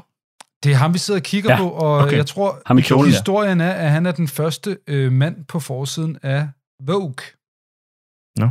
Øh, men hertil skal det så høre sig, at øh, han har, øh, der er sådan to covers, og øh, han har kjole på, på det her cover. Det sgu da mere interessant, at han sidder på en sæbekassebil. Det er ikke uh, forsidebilledet. Uh, forsidebilledet er ham, der står her med den her uh, uh, ballon i en kjole med en lille uh, habitjakke, blandt andet. Ah, nå okay, ja. Ja. Men det er også meget moderne, det der med at inhalere øh, ballongas ude i byen. Yes. Men der er en masse billeder fra den her serie. Der er også et, hvor han har en, uh, en kilt på. Øh, og generelt, altså, er, er lidt mere flamboyant i sit, øh, i sit udtryk, end, end, end i hvert fald vi tre er lige nu. Øh, Det forstår jeg ikke. Det forstår jeg ikke, hvad du mener med det. Tal for dig selv. Du kan, det, det eneste, du har af mig, det er... vi sidder alle sammen i sort overtøj, altså. Ja, men jeg vil sige sådan her, at det eneste... Tre, sidder bare tre hvide middle-aged guys her og taler om... Øh, kæft. Hvordan kan I, hvordan kan I På det her webcam, der vil jeg altså sige, Christian, det eneste, du har mig, både mig og Emil, det er et torso-shot. Du aner ikke, hvad vi har på under bordet. Jeg siger, jeg siger det bare. Jeg siger det bare. Og sådan skal vi lade det være. Du skal ikke gætte. Nå, men jeg synes, det er fantastisk, det her. Øhm, fordi, grunden til, at jeg synes, det er fantastisk, det er, fordi jeg synes, det er fantastisk, når fotografi, det kan bringe så mange følelser op i folk. Over i USA er man er den konservative, den ultrakonservative side af politik, er virkelig gået mok over de her billeder. Candace Owens, som jo også er en, man ikke burde give alt for meget taletid, det gør jeg så alligevel, øh, er gået helt amok på Twitter. Øh, og hun har skrevet, There is no society that can survive without strong men. The East knows this. In the West, the steady feminization of our men at the same time that Marxism is being taught to our children is not a coincidence. This Åh. is an outright right attack. Bring back manly men. Øhm, og der er flere, der har kommet med holdninger til det. Ben Shapiro også. Jeg vil egentlig ikke bruge for meget tid på ham. Men, men, men lad os sige, der har været hæftig debat om, hvorvidt mænd skal gå i kjoler eller ej. De her billeder i øvrigt, øh, som er grund til at sende jer lige præcis det her link, øh, hvor alle billederne er med, de er taget af, af øh, en øh, fotograf, der hedder Tyler Mitchell. Og øh, hvis min hukommelse Ja. ikke helt øh, slår fejl, så husker jeg det også som om Tyler Mitchell, han tog forsidebilledet af Beyoncé, da hun var på Vogue, og var faktisk mm. også den første øh, afroamerikanske fotograf, som Vogue brugte her for et år eller to siden. Øh, Jeg synes, at billeder er helt fantastiske. Også dem her af, af, af Harry Styles, de er faktisk virkelig, virkelig dejlige at se, se på. Så det er også bare lidt fotoguf til os. Men, men øhm, kan vi lige gå tilbage til, hvem var det, du sagde, at den kritiske røst i starten kom fra? Jamen, det er blandt andet Candace Owens. Okay, fordi jeg lagde noget, mærke til noget meget sjovt. Der var en kobling her mellem altså den svage, og her der er det selvfølgelig en, en parentes, der hedder feminine, øh, eller femininiserede mand, øh, i kombination med marxisme er noget fy, fyha, eller at, at marxismen er repræsentant for for en eller anden Jamen, det- det, hun siger, det er, mand, hun jeg siger, forstår, at- jeg forstår overhovedet ikke, hvad, for, hvad det var for nogle termer, der blev smidt rundt der.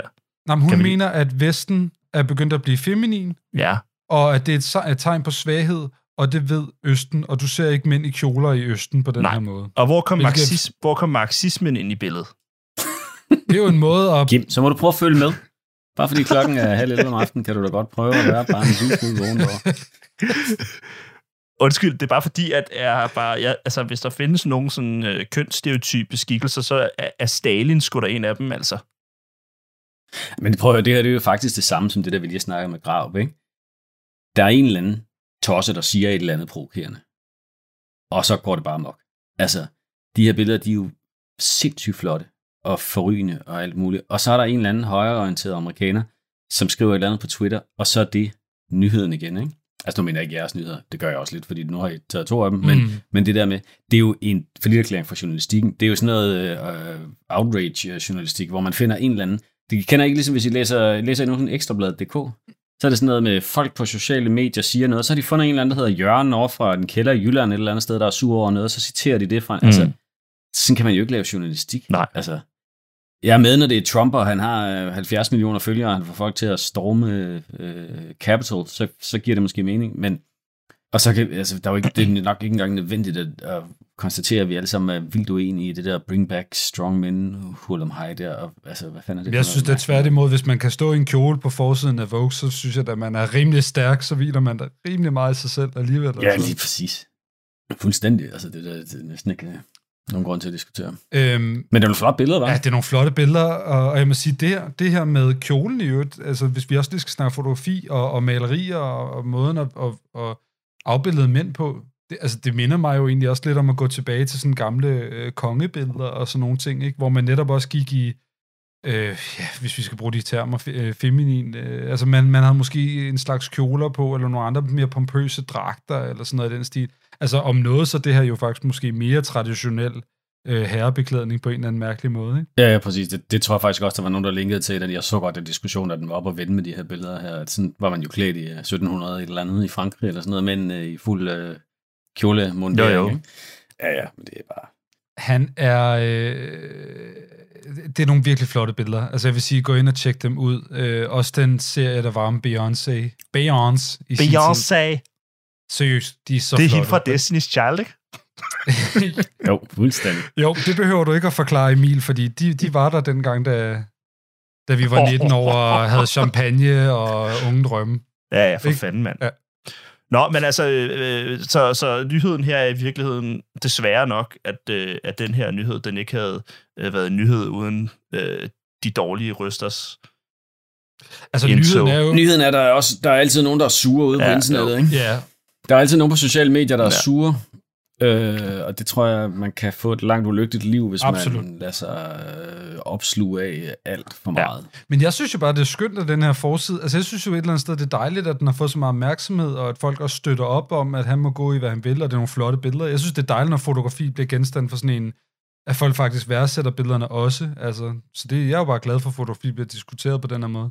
Al omtale er god omtale. Ja, rul nu. Men, men spørgsmålet er så, og så angående Vogue også, kan de lave en forside, uden at det efterhånden bliver øh, til en debat? Øh, Nej.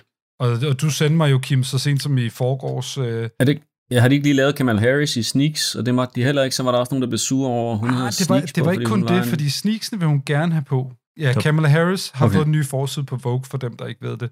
Og det, det er ikke en nyhed, jeg egentlig vil tage med, men, men hun er blevet photoshoppet, og der har været flash på hendes ansigt, som jeg mener, de har... Så hun er for lys, Ja. ikke? Hun er blevet whitewashed, som nogen siger det. Ja, det er måske også, en, det er måske også øh, en lille smule tonedøvt, hvis det er Det tilfældet. er i hvert fald uheldigt, ja. Øh, Øh, det kan vi godt blive enige om. Men jeg, jeg tror efterhånden, jeg er sådan et sted, fordi vi har også haft tre Vogue-nyheder. Vi har lavet, vi har lavet 10 afsnit, Kim, og vi har allerede haft tre, fire forside-nyheder for Vogue med. Altså, jeg tænker virkelig, kan de lave en forside? uden Det er helt vildt. Det, det er nærmest det, Men øh, kunne man have den, øh, kunne man have mis, den mistanke, måske ligesom øh, den nyhed, vi snakker om før, at det er en øh, strategi for at holde sig selv jo, Jeg tror, de sidder og whitewasher Det man-. Kamala Harris. Altså. Nej, det ved jeg ikke. strategi. Det gør de måske. Og det møde vil jeg gerne være med til. Nå, vi skal snakke om noget, der er meget, meget mere trist. Og vi skal til Østen, Kim. Øhm, ikke der, hvor Marx ja, der er fandme trist. Ikke der, hvor marxismen øh, øh, eksisterer, men, men lidt længere øh, øh, faktisk over mod Japan, fordi øh, der er der et øh, filmmærke, der hedder Fuji. Kender I det? Ja, de laver rigtig meget medicin. Det går dårligt. Det går ikke så godt for Fuji, og man kan sige, Emil Ryge er jo nok ligeglad, fordi han skyder på Kodak Ja. øh, Portra, ikke? Jo, men de er jo også blevet dyre på deres gamle dage. De er jo blevet 30, 30% dyre eller sådan noget. For der er ikke nogen, der køber dem jo, og så må de sætte prisen lidt op.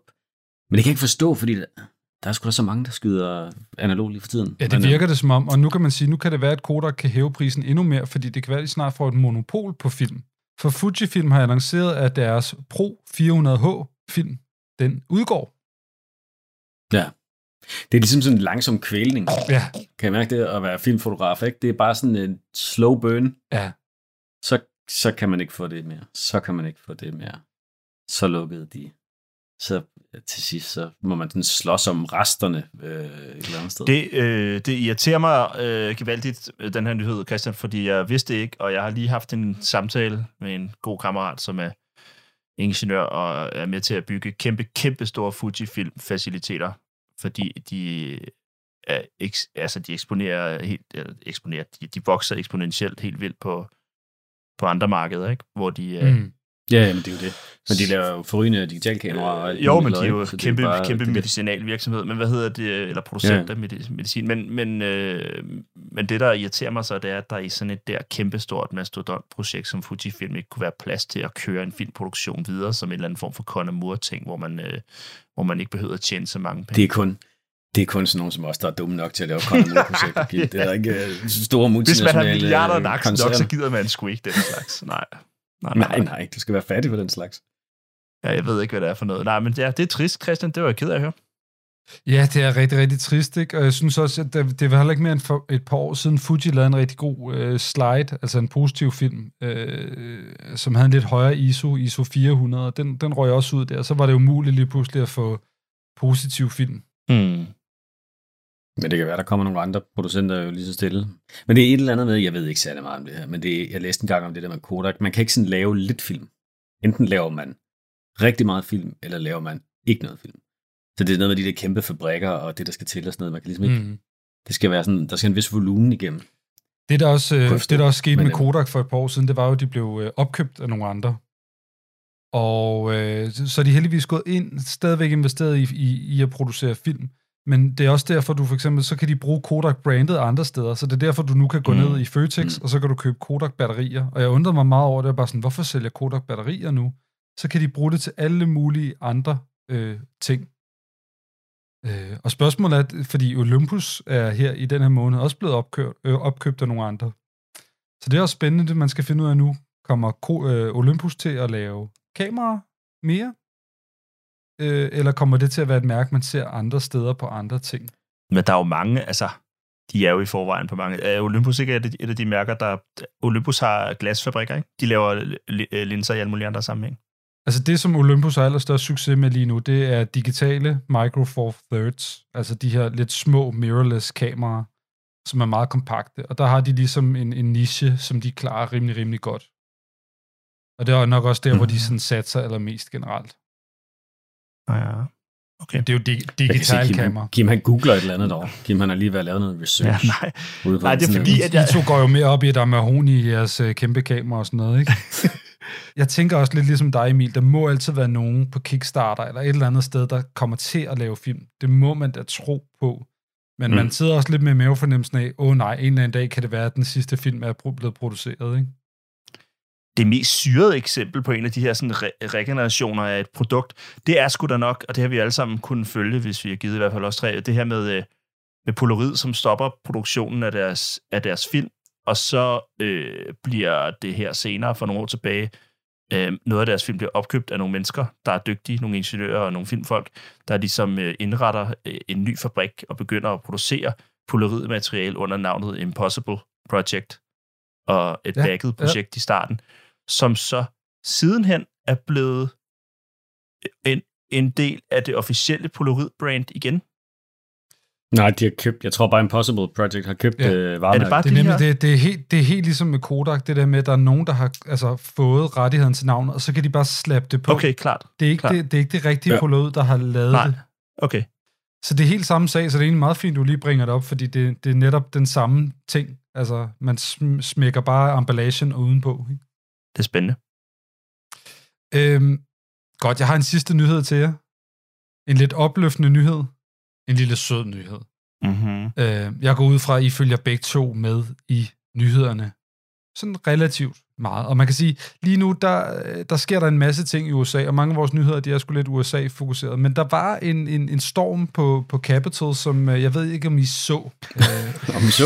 Jeg har ikke sovet, i, øh, jeg har ikke sovet lige siden. Jeg sidder bare og følger CNN og New York Times og hvem fanden der ellers er. Det er helt uh, skørt. Det, det, jeg, jeg, jeg, Jeg kan, jeg kan slet ikke prøv jeg, jeg, øh, jeg skulle have været tidlig i seng, ikke? Den pågældende aften. og, ved, og, og det her, det er flot. Det, er, ja, det troede du. Det troede det, du. Ja, og det her, det er, det er ikke engang løgn. Jeg fik serveret, fordi jeg, jeg tager HF-fag. Jeg er ved at samle en HF, uddanner mig igen en gang til. Og det er fedt. Øh, jeg skulle op, I shit you not, i, øh, i samfundsfag under modulet demokratibegrebet igennem historien. øh, og skulle medbringe eksternt kildemateriale. Ikke? Det her, det skal jeg om morgenen oven, oven på det her. Ikke? Så jeg fik heller ikke sovet. Men jeg sad i en forfærdelig øh, mixtur af vemmelse over det, der foregik, fordi jeg synes, det var for sindssygt at opleve, men også bare sådan en følelse af den her eksamen, der var blevet serveret på et fucking sølvfad den, kan ikke, den kan ikke gå galt, den eksamen der. Altså, hvordan, det kan jo ikke gå galt. Men øh, hvad hedder det? Nej. Nej. nej, så jeg har heller, jeg sov heller ikke. Men øh, forfærdeligt det egentlig er at vidne, hvad det er, der sker, kan man sige. Så har det medbragt sig nogle helt utroligt ikoniske billeder derovre fra. Og vi har blandt andet øh, det her billede af, af ham her i bjørneskin med sine øh, nordiske tatoveringer og sin horn, ham her kanonmanden der. Han er også en kanonmand. Okay, de to, mand. Men så har vi også nogle, jeg ved ikke, om I har set det her billede af ham, øh, fyren, der ligesom stjal øh, podiummet inden fra øh, Capitol.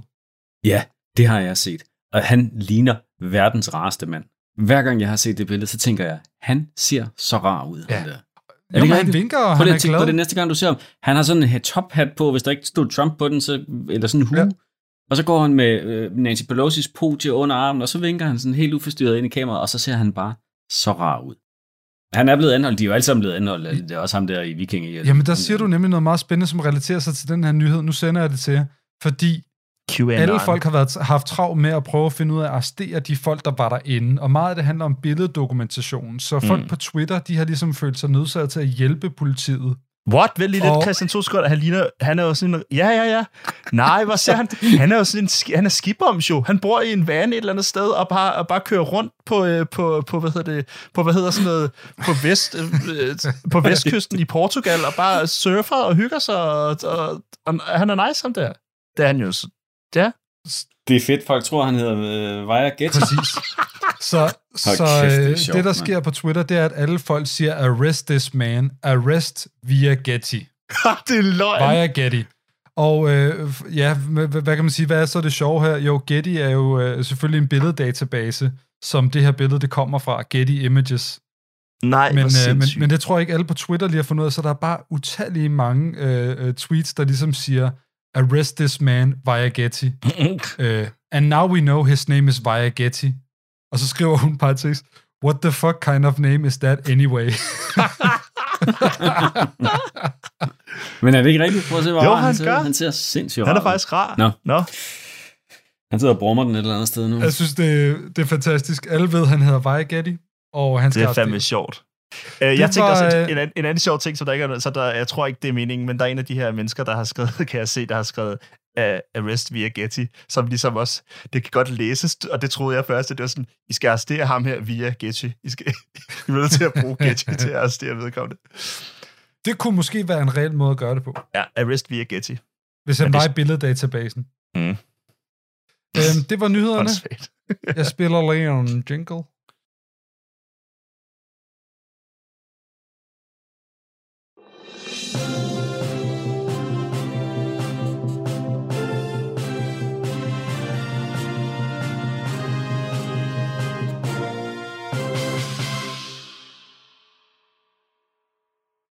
Øhm, nu skal vi og kigge på billeder.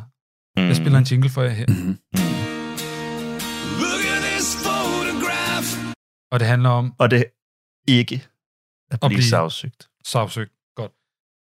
Lidt hakkende over Zoom, øh, men vores gæst i studiet på nettet er Emil Ryge, og vi har bedt dig om at tage et fotografi med. Et fotografi, der betyder noget for dig. Øh, et, som du godt kan lide. Det kan være et, du, det første billede, du så. Det kan også være et, du så i forgår, som du synes var rigtig, rigtig fedt. Bare noget, vi ligesom skal kigge på sammen her. Hvad har Mhm. du taget med, Emil?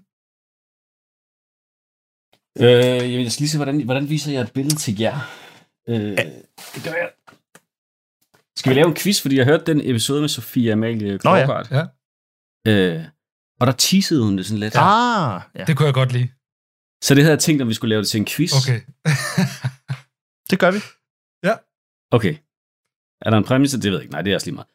Øh, det er en mand. Altså fotografen. Alex Sof, ja. Nej, ikke Alex Oath. Men, og her kommer et uh, hint. Han har undervist Alex Oath. Øh, Joel Meyerowitz. Nej. Men måske tænker du på en anden navn, og minder lidt om, så det kan være, du husker Det gør jeg helt sikkert. Hvad fanden er det, han hedder? Øhm, hvad er det, han hedder? Det, det er ikke Joel Meyerowitz. Skal jeg beskrive billedet? Fordi hvis jeg beskriver billedet i ord, så kan det være, at det, det kommer... Øh, Kim, han sidder og googler viser helt det. 100% Nej, nej, nej, nej, nej. Ej, Kim, det du gør må jeg ikke google. Nej, mine hænder er her. Hænderne over... over. Okay, hænderne over. Ja, Hænderne det gælder over. da også Christian, så det Øh, gælder sgu da ikke kun mig. Jeg googler ikke. Okay, Jeg googler heller ikke. okay. Der er... Billedet er fyldt med... Ja, og der er brandmænd i baggrunden. Der er Der er brandmænd også. have American Power hedder han ham. Der, er det, her, det er hans. Nej, det gør han ikke. Det er mit Fuck. chefstein, det er en anden. Undskyld. Hvad bliver- hedder? Det er ikke, jo, det er ikke uh, Joel Meyerowitz. Det... Nej, men du er tæt. Nej, men det er tæt på. Jeg kan godt forstå, du... Uh... Nå, vi skal have navnet. Joel Stanford. Ja, ej, hvorfor... Den her Ja. bog, American Prospect, den er så stor, den kan næsten ikke være på webkamera. Ej, Sikkert så, problem. så, så, er vi enige om, at Christian siger, siger hvad hedder det, Joel Meyerowitz, og jeg siger American Power. Og så er det en Joel Sternfield Ja. med American Prospects. Så ikke, så ikke noget af det var helt rigtigt. var helt, nej. Fedt, fedt, det er en måde at se det på. Vi var Ja. rigtig tæt på, og i stedet for så var det sådan, der var ikke noget, der var rigtigt. I, I er ked af, at I ikke blev undervist af mig, kan jeg godt høre. Nu skal jeg høre, om- jeg må, jo ikke, jeg må ikke dække mikrofonen med det her billede her, men det, jeg prøver at holde det her gigantiske foto på. Ja, op. det gør du fint. Det er et sindssygt billede. Ja, det er et flot billede, var. Nå. Nå, hvorfor har du taget øh, det billede med, øh, Emil? Udover det er sindssygt. Det er et kæmpestort billede øh, fra en bog, der hedder American Prospect, af en amerikansk fotograf, der hedder Joel Sternfeld, som kører rundt i USA i slutningen af 70'erne og starten af 80'erne og laver endnu et af de der store amerikanske værker, hvor man ligesom kører Mhm. mm-hmm. rundt og skildrer landet og dets tilstand og naturen og civilisationens ekspansion og sådan noget. Og så er det bare, det er bare et sindssygt flot billede. Øhm, jeg ved ikke, ligger I dem op? Kan, man, kan folk se dem? Hvordan Ja, kan vi, vi lægger det her afsnit, øh, når vi lægger afsnit op, så lægger vi det her billede op. Både med link, men. Ja. også øh, i reklamen for afsnittet. Men der står en, hvis man skal beskrive det, så er det sådan en øh, formentlig efterår, det hele er ude på en mark, der er sådan en øh, hel masse græskar, og mange af dem er gået i stykker.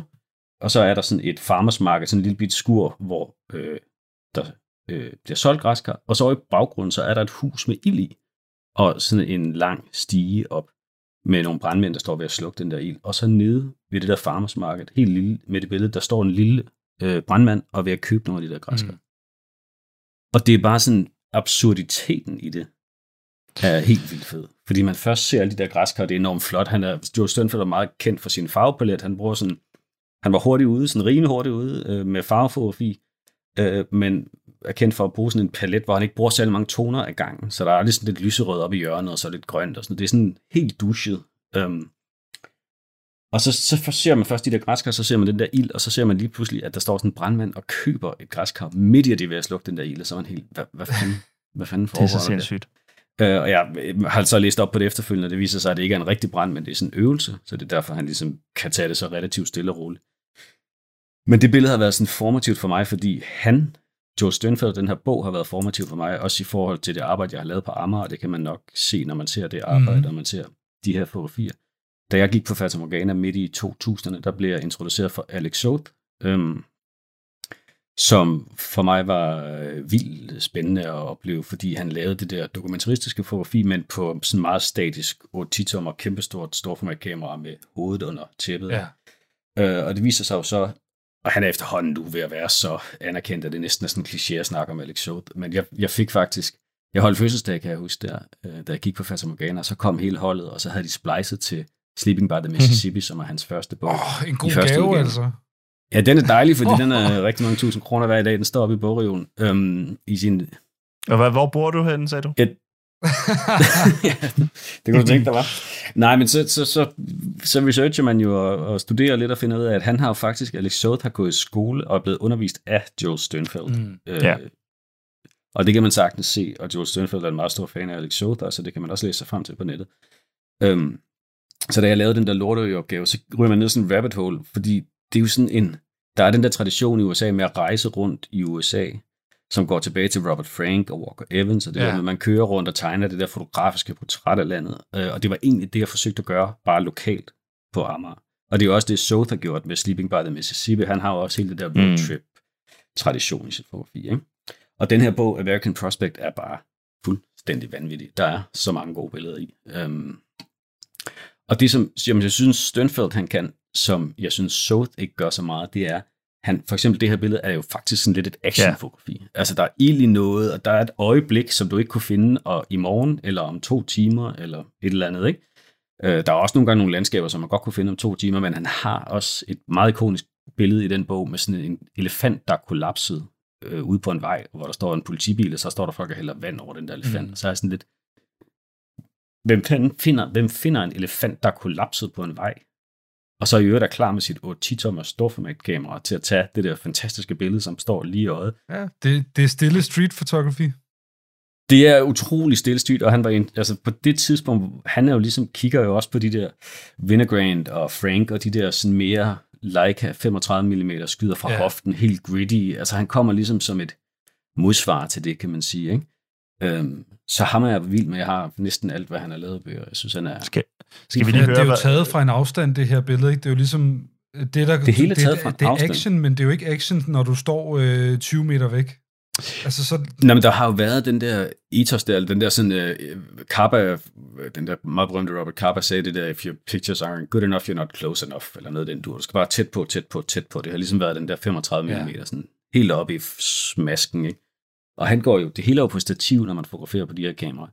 Og hele tiden langt væk, der er også et helt forrygende billede af sådan nogle valer, der er strandet på en strand, hvor der ligger en hel masse valer, øh, og så står folk ovenpå dem og sådan noget. Men han holder os flere hundrede meters afstand, tror jeg.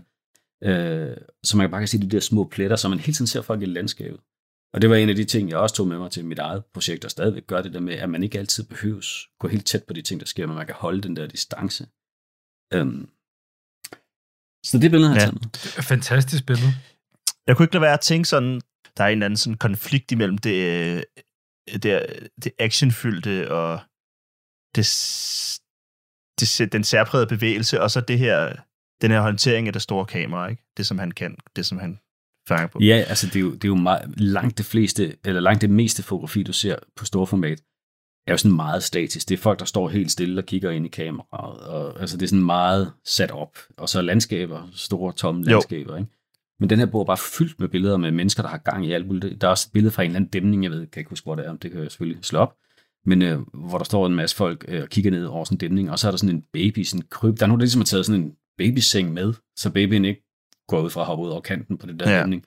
Øh, og så står den bare midt i det hele. Det er sådan en helt absurd teater, hvor det, jeg, jeg kan ikke komme i tanke om mange fotografer, som kan kombinere det der sådan unika øjebliksbillede med det der meget sådan statiske storformatsfotografi. Men da jeg, jeg kan huske, da jeg stødte på det her billede, som du har haft med i dag, der var jeg meget interesseret i noget langt mere opstillet fotografi, og derfor var, mm. Var, mi, var mit øh, blik rettet mod øh, Tyskland, og, men også Kanada, hvor der er jo er, et par gutter og gutinder, sikkert også, men der har, der har beskæftiget sig med en lidt anden gren af fotografi, men netop også, hvor deres. Mm. værktøjer var store øh, kameraer. Ikke? For eksempel, og, og her tænker jeg specifikt på en, der hedder Jeff Wall. Øh, Ja. Og det her Joel Sternfield-billede minder mig om et Jeff Wall-billede. Ja, det er Og- bare ikke, øh, han har ikke brugt en halvt år på at planlægge det.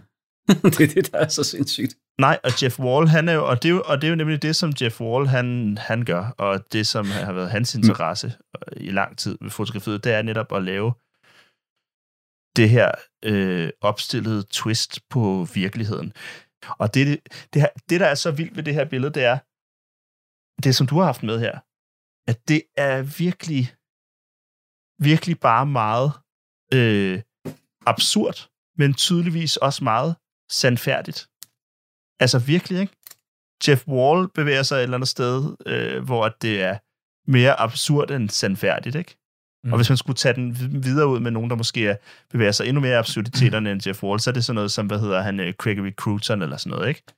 Øh, Jamen, ham, tæ- ham tænkte jeg lige på, da du sagde, inden du teasede, øh, hvem det var, du ja. havde, øh, var inspireret, så tænkte jeg nemlig også Gregory Cruton. Og de her billeder ligner faktisk i deres æstetik. Cruton skyder også, eller han gjorde det i hvert fald Ja. dengang, hvis man har set den dokumentarfilm, der er også 8-10, Jo. ikke? Så de ligner meget.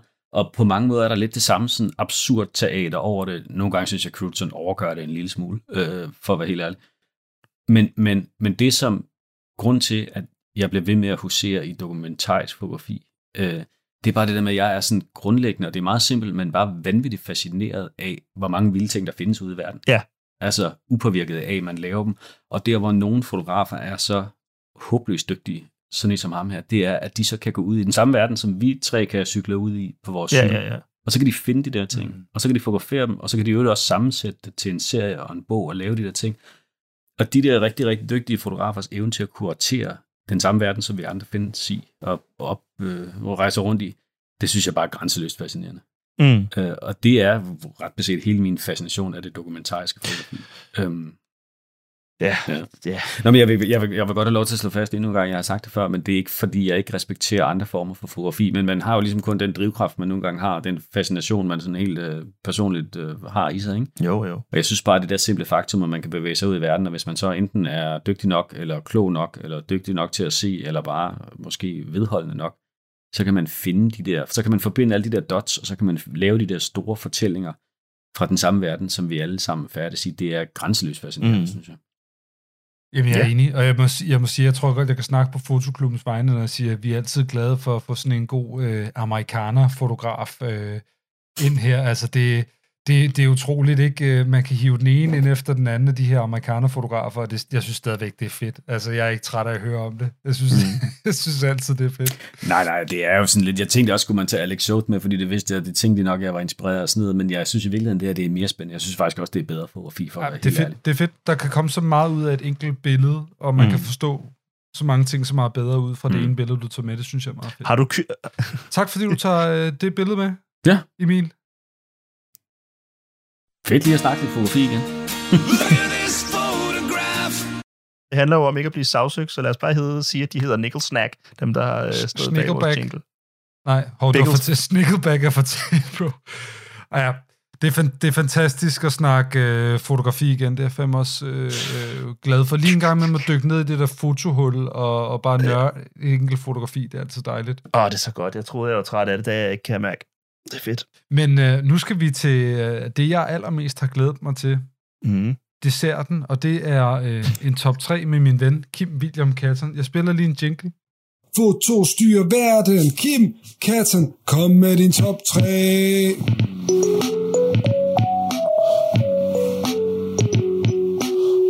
Foto styrer verden. Kim Katten, kom med din top 3. Yes. Vi skal til øh, Kim William Kattens top 3. Ja. Jeg ved ikke noget. Emil ved ikke noget. Hvad er dagens emne? Altså, dagens top 3, den vil sgu nok altså, komme bag på dig, øh, Christian. Jeg ved ikke, om den vil komme bag på øh, dig, Emil. Øh, men altså, dagens top 3, den er... Øh, det er sportsfotografi. Vi skal til sportsfotografi. Der er jeg sgu lidt på Så det, er til ære øh, for Emil Ryge, eller hvad? ja, det er det lidt. Det her, det er til ære for dig, Emil Røge. Ikke kun, men det er lidt til ære for dig også. Nej, vi skal have gang i sportsfotografi, og det skal vi have mange, af mange årsager. Det er fordi, at jeg vil godt øh, udbrede en falsk øh, tryghed blandt vores lyttere, som øh, ha- handler om, at jeg er øh, en sportsmand. Øh, det skal folk vide derude. Øh, Ja, jeg ved, der var mange, der var usikre før. Det er ikke sandt, at det er det, men lad os, vi skal have dem bildet ind. At her sidder I med en, der kender sin sport. det gør jeg ikke. Men jeg har faktisk jeg har en, jeg har en lidt skjult fascination for sportsfotografi. Og det har jeg, fordi at, øh, at, øh, at der er jo rigtig meget godt sportsfotografi, øh, men der er også rigtig mange sportsevents, og der er rigtig mange, der dækker de her sportsevents, når de bliver dækket. Så hvad er et godt sportsfotografi? Det må om noget måske være det her med, at man sad lige præcis det rigtige sted, øh, da det rigtige skete under den sportsbegivenhed, som man øh, havde, havde valgt at dække. Jeg ved det ikke. Der er mange måder at gøre det på. I dag skal vi i hvert fald have min egen top 3 over sportsfotografi. Og vi starter lidt blødt ud, og jeg kommer til at sende jer nogle, øh, nogle links her. Mm. Så her, der har vi sportsfotografi, Kim Sportsfotografi. Øh, på tredje pladsen over det bedste sportsfotografi nogensinde, har vi øh, det her billede. Og øh, hvis vi kunne få øh, det her afsnits gæst, altså dig, Emil, til at snakke om, hvad der foregår på det billede, så vil jeg være åh så glad. Skal jeg beskrive, hvad det er? Ja, hvad ser du på det billede? Jeg ser et billede taget oppefra af en svømmehal øh, med sådan et podium, man kan springe ud fra. Altså ikke en vippe, men sådan et, når man skal svømme 100 meter. Mhm. Øh, så cirka halvdelen af billedet til højre er vand, og den anden halvdel er land, kan man sige. Øh, og så er der en mand, der hopper i vandet, og han har ikke nogen ben. Jo, men han har ikke nogen underben, så hans ben stopper ligesom ved knæet.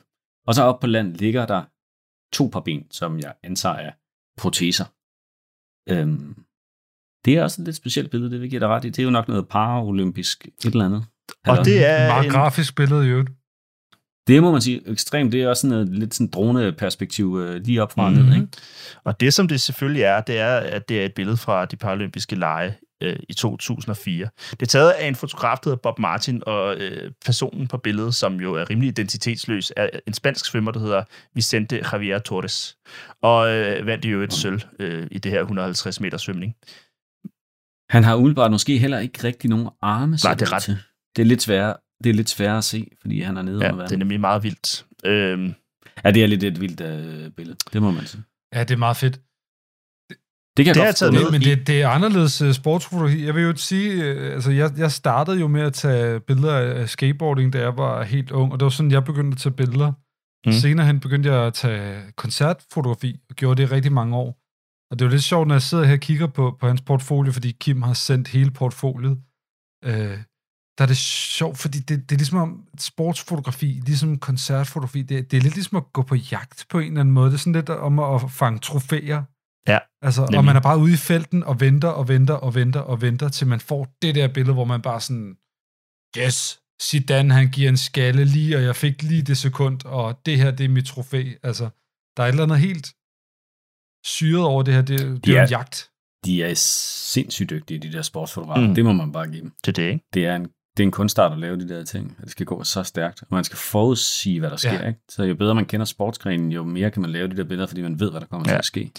Grund, grunden til, at jeg har taget det her med Ja. på min tredje plads, det er jo egentlig fordi, at øh, rigtig meget sportsfotografi handler om en eller anden form for øjebliksbillede. Det vil jeg også se her senere i min, i min på anden og første pladsen i øvrigt, mm. i sport, som egentlig sådan er mere defineret end, end selve fotografiet på mange måder. Altså, at fotografen var til stede, da der blev slået en verdensrekord, eller fotografen var til stede, øh, øh, da den øh, øh, første kvinde fik lov at deltage i whatever øh, gren af yeah. olympiske lege. Ja. Altså, men, men her, der er altså sådan, læser man subteksten, så vandt han i øvrigt sølv, ikke? Ham her manden, som ikke har nogen identitet, øh, men blot et navn. Mm. Ja, så Øh, det handler mere om billedet. Godt Ja. Ja, så, fedt. så det, er min nummer, det er min nummer tre. Godt. Nu, kan det ikke, nu bliver det altså mere, nu bliver det sådan mere historisk, og det, som vi var inde på før. Fordi her, der kommer min plads nummer to. Ja, tak. Men det her, øh, Christian, hvad, bare prøv, hvad, hvad har vi på billedet? Jamen, ja, nu skal du høre, det er et øh, kvadratisk fotografi fra øh, bokseringen. Øh, vi ser Muhammad Ali i hvide Adidas-bukser og røde handsker stå øh, øh, hvad hedder det, over Sonny Liston, der ligger nede i jorden. Han er knocket out, og øh, Muhammad Ali råber ligesom lidt ned mod ham, eller skriger ned mod ham, mens han banker sig selv på brystet, eller noget af den stil.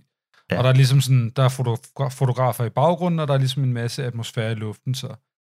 Øh, men det, det her, det er jo et meget ikonisk fotografi. Det er jo sådan et, det kunne næsten have været med i din, i din pizza-fotografi-kategori sidste gang. Ja. øh, eller sidste sidste gang var det så, ikke? Altså det er jo sådan et, man ser hængende rundt på, på drengeværelser og, og pizzerier, ikke mindst. Ja.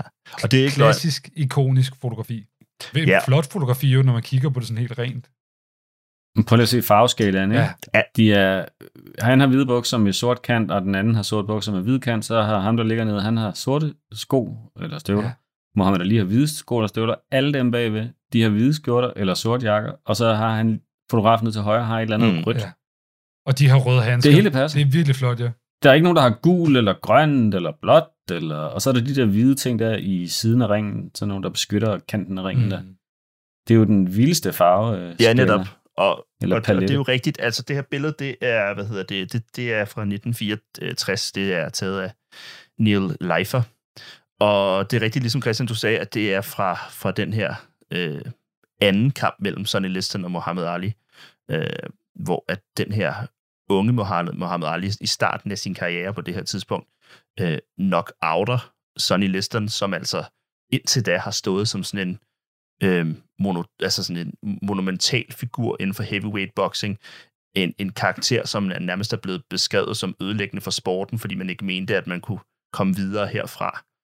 Øh, så der er sådan, udover at det her billede i al sin komposition, synes jeg er, i øvrigt er helt for, forrygende. I har været lidt inde på det, den her, øh, den her, den her softbox, der han bare har fået foræret af cigarrøg mm. og ovenlys, og jeg ved ikke, hvad, hvor meget af guf, der ikke ligesom.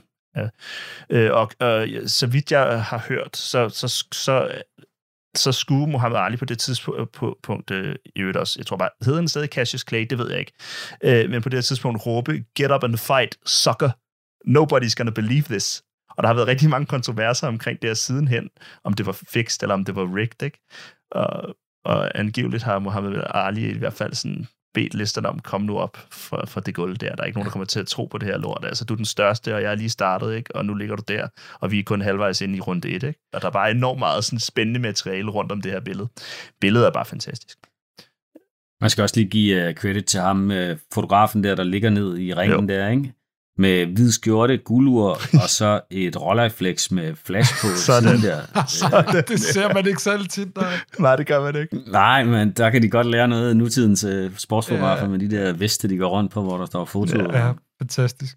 Det er fedt, Ja. det er fedt billede. Det er min, det er min nummer to, ikke også? Altså, Mhm. mm. det, det er et vildt billede, synes jeg. Ja. Øhm, det er ret, det er, vi var lidt inde på, øh, på, øh, på noget racistisk, og der fortsætter vi lidt, og vi fortsætter også faktisk hos den samme fotograf, mm. og, øh, og det var sjovt for mig at finde ud af, at det var den Ja. samme fotograf. Øhm, Nå, det vidste du ikke på forhånd. det vidste jeg ikke på forhånd. Øh, jeg, jeg, havde, øh, jeg havde bare besluttet mig for, at jeg ville genfinde det her billede. Øh, og og øh, øh, jeg kan måske selv forklare, hvad der foregår på det billede. Nu har I taget et hver. Nu kan jeg tage min nummer et selv, måske. Ja, og Kim, man kan jo sige, at din etter, det er jo ikke sportsfotografi, det her faktisk. Nå, så det vil du sige. Mm. Vil du, vil du, nå, ja, nej, det er interessant. Nej, det kan prøv vi, du, for- forklar du billedet. Du tager etteren her og fortæller, hvad det er, vi ser. Ja, så øh, først og fremmest, så, så, er vi, så kigger vi på et, øh, hvad skal man sige, et, øh, ikke landskabsfotografi, det er et billede på højkant. Og øh, det er ham, fotografen, det er ham Neil Leifer, som vi skal have fat i igen. Det her det er fire år senere, det er 1968. Billedet er fra de olympiske lege i Mexico City. Og øh, Mhm. mm-hmm. de to figurer, der indtager førstepladsen og tredjepladsen, det er henholdsvis Tommy Smith og John Carlos, to øh, hvad hedder det, sorte amerik- amerikanere, som der øh, bruger det her moment under den øh, amerikanske hvad hedder det, nationalsang til at sende en hilsen i retning af borgerrettigheds øh, forkæmp- forkæmpelse og, øh, og, øh, og Black Power-bevægelserne. Mm. Øh, det gør de ved at sænke hovederne under nationalsangen og, og, og, og sætte, en, øh, ja, til at sætte deres, deres knyttede næve symbolsk i vejret. Øh, Ja, det er strong. Det er og sgu stærkt, det her, Kim. Ja, og, og, og noget, som der måske er endnu øh, mere stærkt, det er i virkeligheden, at man kunne jo meget hurtigt antage, at, at, øh, at dække det videre på billedet og sige, nå ja, der har man de to sorte, øh, øh, hvad hedder det, kæmper, og så har man den stille hvide mand på anden pladsen. Men det, der er lidt sejt ved det her, det er, at, øh, at den stille hvide mand, han, øh, han hedder, han hedder, hvad hedder det, han hedder, hvis, hvad hedder han, Peter Norman, og han er australier. Ja, men han Og- var i sympati med dem jo. Og han er i sympati med dem, og det er ham, mm-hmm. der Mhm. har fundet på ideen omkring den her badge, som de har på. Og den her badge, den repræsenterer øh, øh, noget, noget, noget arbejde øh, med at øh, øge fokuset på menneskerettigheder generelt øh, inden for de olympiske lege. Så han er med på den. Det er sejt. Historien er også den, at de blev øh, buet ud øh, efter øh, det her, den her lille protest, stille protest. Og Mm. mm. Tommy Smith har udtalt øh, siden, at if I win, I'm American, not a black American. But if I did something bad, then they would say that I'm a Negro. We are black, and we are proud of being black. Black America will understand what we did tonight. En protest i 1968, som jo bare fik mig til at tænke på nogle af de nyere ligesom, protestbevægelser, der også figurerer inden for sport i USA de her dage her. Ja, det er jo rent øh, øh, Kaepernick, ja. Ja. ham med NFL øh, quarterbacken, ikke? Det er jo en reference tilbage Jo, til det der. Ikke? Ja, så, så kan vi se, det er det 68, så kan vi se, hvor langt vi har rykket os fra den gang, ikke? Folk, de er stadigvæk skide sure, når Colin Kaepernick, han tager i knæ, ikke? Det er det. Ja, ja. Han har svært ved at finde mm. noget at lave i dag. det, er det. Men et ikonisk billede, det må man sige i hvert fald. Ikonisk billede, og ja, jeg vil da sige, det er da et sportsfotografi. Selvfølgelig er det. Jeg tror bare, der er nogen, der vil sige lidt- det. Jeg tror bare, jeg driller lidt, men selvfølgelig så sport og politik, altså, Ja, ja, der er selvfølgelig. mange, der gerne vil separere sport og politik, men man kan bare ikke lade være med at anerkende en gang imellem, så blander de ting ind over, og folk bruger muligheden til det, som er deres gode ret, ikke? Præcis, og jeg tror også det, og, og især på det her tidspunkt, hvis vi lige vender tilbage til plads nummer to og Muhammad Ali, altså Muhammad Ali, han, er jo, han var jo i øvrigt, beholdt jo sin heavy, altså han vandt den heavyweight title der øh, i, kamp, i, i den kamp, hvor han lavede det knockout, og den beholdt han jo hele vejen op i sådan noget 4, indtil 74, hvor den blev taget fra ham, fordi han nægtede øh, at lade sig, øh, hvad hedder det, drafte til den amerikanske her øh, i forbindelse med Vietnamkrigen. Så der kan man snakke om, at alt det her med sport og politik og kultur, øh, det var bare blandet enormt meget sammen i 60'erne og 70'erne i USA. Så det er sådan.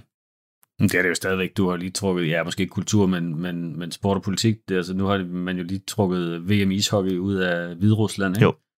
Kan jo ikke skille de der ting. Nej. Altså, Det er jo naivt, Ja, ja, det er rigtigt. Absolut. Men, men, men Kim, tusind tak for den top 3. Jeg synes, det er ret interessant, at øh, du kom med sådan tre vidt forskellige ting. Noget meget øh, grafisk, og noget meget sådan... Øh, øh, et virkelig godt sportsfotografi for en meget sådan... Ja, specifik ting. Og så sådan et ikonisk politisk billede her til sidst. Ja, sportsfotografi kan noget, det vil jeg lige slå et slag for. Men, og jeg, og jeg, nu glemmer jeg jo ligesom, der må være en krølle på halen her, det var jo, at jeg påstod jo i starten, at det her, det var med henblik på vores, øh, vores gæst. Og det er jo fordi, at Emil Ryge har jo kastet sig ud på et tidspunkt i noget meget vanvittigt. Vi har allerede snakket om, om Emils øh, meget langsomme måde at tage billeder på, og på et tidspunkt, Emil, der besluttede du dig for at tage til Frankrig og, øh, og, og forsøge at dokumentere noget af det hurtigste på, øh, på to hjul, der eksisterer Undskyld, på hvad jorden. sker ikke? der nu? Hvad, hvad er det her? Jamen det, jeg siger, er, at Emil Ryge er, er sportsfotograf. Jeg har en lang øh, øh, tonstung historik med sportsfotografi, Hvad? som startede i Jyske håndboldhaller, da jeg var i praktik på Jyllandsposten, og peakede ved Tour de France med wetplate-udstyr Ja. øh, udstyr her for, ah, det er efterhånden at være nogle år siden, øh, hvor vi en, en amerikansk kollega kom øh, til Danmark, som jeg kender op fra Journalisthøjskolen, og så besluttede vi os for at pakke C3 Picassoen og køre med bagagerummet fuld af soveposer og æder ned igennem Mm. mm. Europa, og se om vi kunne finde Tour de France-feltet, og så jagtede vi dem rundt i, det kan jeg sgu ikke huske, 10 Med verdens langsomste kamera. Ja, det var, det var op bare. Men der kom faktisk nogle meget fine Ja, billeder. det af er ret fantastisk. De ligger også inde på min hjemmeside. Ja, det er det, vi skal nok sørge for at få linket til det. Men jo, så det er derfor, altså det er det, der er anledningen, det er, at vi har en sportsfotograf i huset, Nå. kan man sige. Det er jeg glad for. Ja. Ja. Jeg vil også sige, hvilken fotoklub ville vi være, hvis ikke vi havde øh, Ja. ja. sportsfotografi med. Altså, det skal man jo have. Det skal man have. Det skal man have med. Ja. Tak for det, Kim. Foto styrer verden. Kim Katten, kom med din top 3.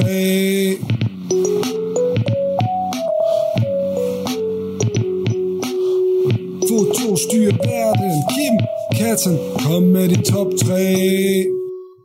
Nå, Kim, det var din øh, top 3. Nu Yep. skal vi øh, vende blikket tilbage mod vores øh, gode gæst, Emil Ryge. Mm-hmm. Vi har nemlig bedt dig om at tage en øh, anbefaling med til vores øh, lyttere her, som en, en lille sidste ting. Øh, det kan være hvad som helst. Det kan være en gåtur, en, en, en fotograf, øh, en film, øh, ja, hvad end det nu skulle være. Ja.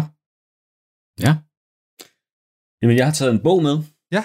Som ikke er en fotobog, men en bog med tekst uden billeder. Altså sådan en almindelig... Hvad er det? Det skal lige Øhm, forklare sig. Er I med? Er alle med? Der findes andet end fotobøger derude, Bare. øh, som er den her bog, jeg holder op her. Kan I se? Yes, The Practice of the Wild. Den hedder Practice of the Wild. Den er skrevet af en amerikansk øh, verdensmand, der hedder Gary Snyder, som var sådan en beat-poet. Øh, buddhist har været buddhistisk øh, munk et eller andet sted over i Østen. Øh, hvis man har læst Kerouacs Dharma så er den hovedperson i den bog er modelleret over ham her, Gary Mm. mm. Snyder. Men det her det er sådan en essaysamling, som handler om, ja, det er lidt svært at konkretisere, men den handler om natur og vores forhold til den, og wilderness, og det er sådan en tour de force i, han ved alt muligt om oprindelige kulturer, og om japansk religion, og alt muligt om mig. Og jeg har sådan den bog, og så har jeg en anden bog af en øh, amerikansk forfatter, der hedder Rebecca Solnit, og de to bøger er sådan, hvis jeg starter et motel en gang, og man trækker ud i, i skuffen der ved siden af sengen, så ligger, så ligger de to bøger, dem tager jeg med mig, når jeg er på andre ture, når jeg er ude i det blå, og så sådan uh, klatlæser jeg lidt i dem. Altså, du siger, det er din bibel jo så- faktisk. Det er bogstaveligt talt det, Ja, jeg kan se, den har rigtig mange øh, sådan nogle øh, anmærkninger Mm, i den ja. her. Ikke?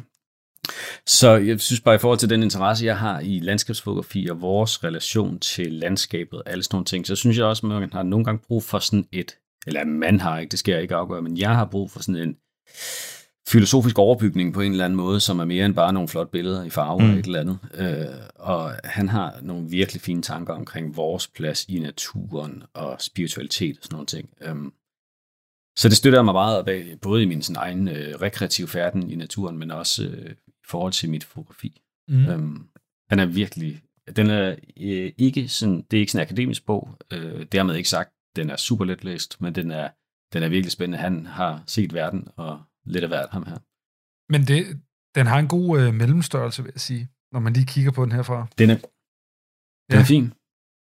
Essay-samling. Gary Snyder, The Practice of the Wild. Dejligt. Virkelig, virkelig en god bog at have med i baglommen, når man er ude i blå. Fed anbefaling. Kender du den, Kim? Jeg, jeg har ikke læst den. Jeg kender den godt ved navn. Okay. Så nej, jeg vil ikke påstå, at jeg har læst den. Jeg har selvfølgelig læst noget Kuro og sådan noget, men jeg har, ikke, jeg har faktisk ikke læst ham. Nej. Så det vil jeg gøre. Nej, gør Det det. vil jeg gøre. Jeg giver den væk til, i gave til venner nogle gange, når jeg synes, de trænger til et eller andet begavet at læse. Så køber Ah, jeg det et er ekstra godt. eksemplar og giver den væk. Du må invitere mig til din uh, 40-års fødselsdag lige med. Så får... Der falder en af. Nå, men bare lige for at slå en knude ja. på det, inden vi uh, falder i søvn alle sammen. Så det der med, at jeg synes bare, jeg er med i sådan en Facebook-gruppe for folk, der har gået op på fotojournalistuddannelsen, og også nuværende studerende. Så det er sådan ligesom folk, der har gået der for 20 år siden, og folk, der går der nu. Ikke? Og noget af det, den bliver brugt meget til, det er, at folk spørger efter inspiration. Mm. Så skal de lave en billedserie om folk med Downs, og så efterlyser de andre billedserier af folk med ja. Downs. Og det kan jeg godt forstå, at man gør. Jeg synes også, at man skal orientere sig bredt, men jeg tænker tit på det der med, øh, at jeg også synes, man skal finde sin inspiration andre steder. Mm. Altså, man, at man ikke kun kigger på andre fotografer, der laver de samme ting, som man ja. selv har lavet. For det første, fordi man nemt kommer til at stjæle, øh, men også fordi, i hvert fald bare i forhold til det projekt, jeg nu har arbejdet på i rigtig mange år på Amagerfællet, og som man ikke rigtig kan se noget samlet sted nu, men det projekt har ændret sig helt vildt meget gennem årene, fordi jeg bliver klogere, fordi jeg læser ting, øh, Ja. som ikke er fotobøger, men som er bøger om landskabet, og bøger om vores forhold til natur, og bøger om alt muligt Ja. ja. Og kommunale plejeplaner, øh, udgivet af teknikforvaltningen, og øh, alt mulige resultater af miljøundersøgelser og sådan noget. Altså, jeg tror virkelig på det der. Jeg kan ikke huske, hvem det var en eller anden Magnum-fotograf, der lavede det der If your pictures aren't good enough, you're not close enough, lavede han om til You're not reading enough. Mm. At du bliver nødt til Ah. at sætte dig ind i ting. Og det ved jeg, jeg er jo blevet undervist af den svenske fotograf Anders Petersen og sådan nogle mange gange, som siger at det der med, at du må ikke fotografere med noget, der er over halsen. Det vil sige, at du må bruge hjertet og maven og de nedre regioner, men du må ikke tænke for meget, når du fotograferer. Og det er måske også rigtigt i det øjeblik, du er ude at fotografere. Der er jeg helt enig i, der skal du kaste dig ind i det og gå med mm. det og, og flow og alt det der. Men jeg synes også, det er en fejlslutning, hvis man ikke også tænker, at verden er et komplekst sted, og jeg tror ikke, man kan takle den, heller ikke fotografisk, hvis man ikke fordyber sig i nogle ting, og studerer, og det ikke gå i skole nødvendigvis, men bare gør sig klogere. Det tror jeg sgu, man bliver nødt til for at lave intelligent fotografi. Så du hælder mere til sådan en tilgang, som sådan lidt, sådan en lidt Hemingways tilgang, i, altså fotografernes version af sådan en øh, idé om, at man skal, øh, hvad det er, write drunk, edit sober. Ja, det kan godt. Jamen, jeg tror bare, man skal... Ja, jeg, jeg drikker ikke nok, når jeg fotograferer, tror jeg generelt. Det vil også være svært. Stor det. Storformats uh, hurlem hej. Nå, men jeg, jeg tror helt sikkert, det, der er også, jeg kan ikke huske, om det er Robert Adams, eller hvem der er, der siger det der med, at, at, at, at fotografere og analysere skal man ikke blande sammen. Det er to forskellige ja. processer. Og du skal passe på ikke at gøre Ja. det samtidig. Det er jo klart, men der er jo, der er jo en eller anden myte, altså i fotografi, i hvert fald i de kredse, vi har også gået meget i det her med, at man, øh, man er bare et geni, der ikke behøver at, at, at, at, læse op, Ja, ja, det- eller hvad, hvad, altså inspiration skal nærmest komme op fra, og, og jo mere man ved på forhånd, jo mere spoleret er man, ikke? Altså det er jo... Så det, Ja. jeg synes jo meget smukt, vi slutter på den her måde med, at vi ligesom siger, det er i orden at vide noget, det er i orden at læse op, og det er i orden at blive inspireret andre steder også, ikke mindst. Nå, men ligesom der er plads til iscenesat fotografi, og der er plads til dokumentarisme, så er der også plads til Jakob Boll og Anders Petersen, der går ud og fotograferer øh, Mm. med følelserne, Ja, ja, eller øh, lysterne, eller drifterne, eller hvad det er. Der er også bare plads til det andet, og der har måske været sådan en tendens til, at man sagde det der med, at alt fotografi skal kunne stå alene. Der er ikke noget, der skal have noget tekst, der er ikke noget, der skal have nogle forklaringer, det skal kunne stå selv, Mm. ikke? Det tror jeg ikke på. Nej. Giver mening. Jeg synes, vi skal slutte den der. Men det er fedt, så er vi også i gang igen, mand. Jeg vil gerne sige mange tak for din anbefaling i hvert fald. Og, Ja. øh, og så vil jeg sige, Tak. hvis, hvis man skal øh, følge dig, så vil jeg sige, det er jo corona, du er sikkert ude i naturen med din med dine Ja, børn. så meget jeg kan komme ja. til det. Når jeg ikke sidder nede i min kælder og forbereder undervisning, ja. Øh, og ellers så kan man jo gå ind og, og øh, skynde sig og melde sig til øh, Dansk Dokumentarismes nyhedsbrev. I sender noget ud om en uges tid. Det er man velkommen til. Øh, Ah, måske lidt Okay. okay. mere nu. Men der, går, øh, der er ikke så meget om mig derinde, men man er meget velkommen. Vi øh, har altid plads til flere i vores nyhedsbrev. Man er meget velkommen til at melde sig til. Man kan også finde podcasten inde i alle steder, hvor man finder sin podcast. Det lyder godt. Vi, jeg ja, og især, mig til... især apropos vores snak tidligere, det afsnit med, øh, om, om, om kvinder i, i dansk øh, øh, pressefotografi med, med Tine Harden, det, det, det var virkelig et godt afsnit, vil jeg sige. Blandt mange andre gode afsnit. Det er jeg glad for høre. Yes.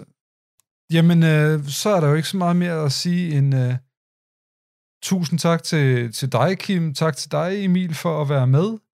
Øh, lidt anderledes øh, afsnit, det her. Jeg håber, at vores øh, lyttere kan leve med, at øh, vi måske ikke lige så hurtigt, når vi svarer hinanden, fordi der er lidt delay på, og det er ikke det samme at sidde sammen. Men vi vil gerne prøve at optage noget, i hvert fald. Ja, og det er vigtigt, og det er det vigtigste. Nu, er, nu kører fotoklubben i gang igen. Det er stort for os jo. Øh, og det er fedt, at vi kunne have dig med, Emil, på, øh, på øh, afsnit 1 her. Kan vi jo faktisk kalde det. Afsnit 1, sæson 2. Det var en, det var en fornøjelse. Og nørde fotografi. Ja, for saren. Ja, det er dejligt. Øhm, ja, hvis man synes, det her det var øh, nogenlunde okay, som jeg plejer at sige, så må man meget, meget gerne gå ind og øh, øh, rate os på iTunes, eller hvor end man lytter til sin podcast henne. Del det med en ven, det er vi også glade for. Og ellers så bare følg os på Facebook, og tak til Kasper K. for at lave vores jingle, og Julian Emily Tang Petersen for Speak. Så er der vel ikke så meget andet at sige på genhør. Vi ses næste gang. Og vi ses, Emil. Tak for den her gang. Tak for det. Fedt. Hej.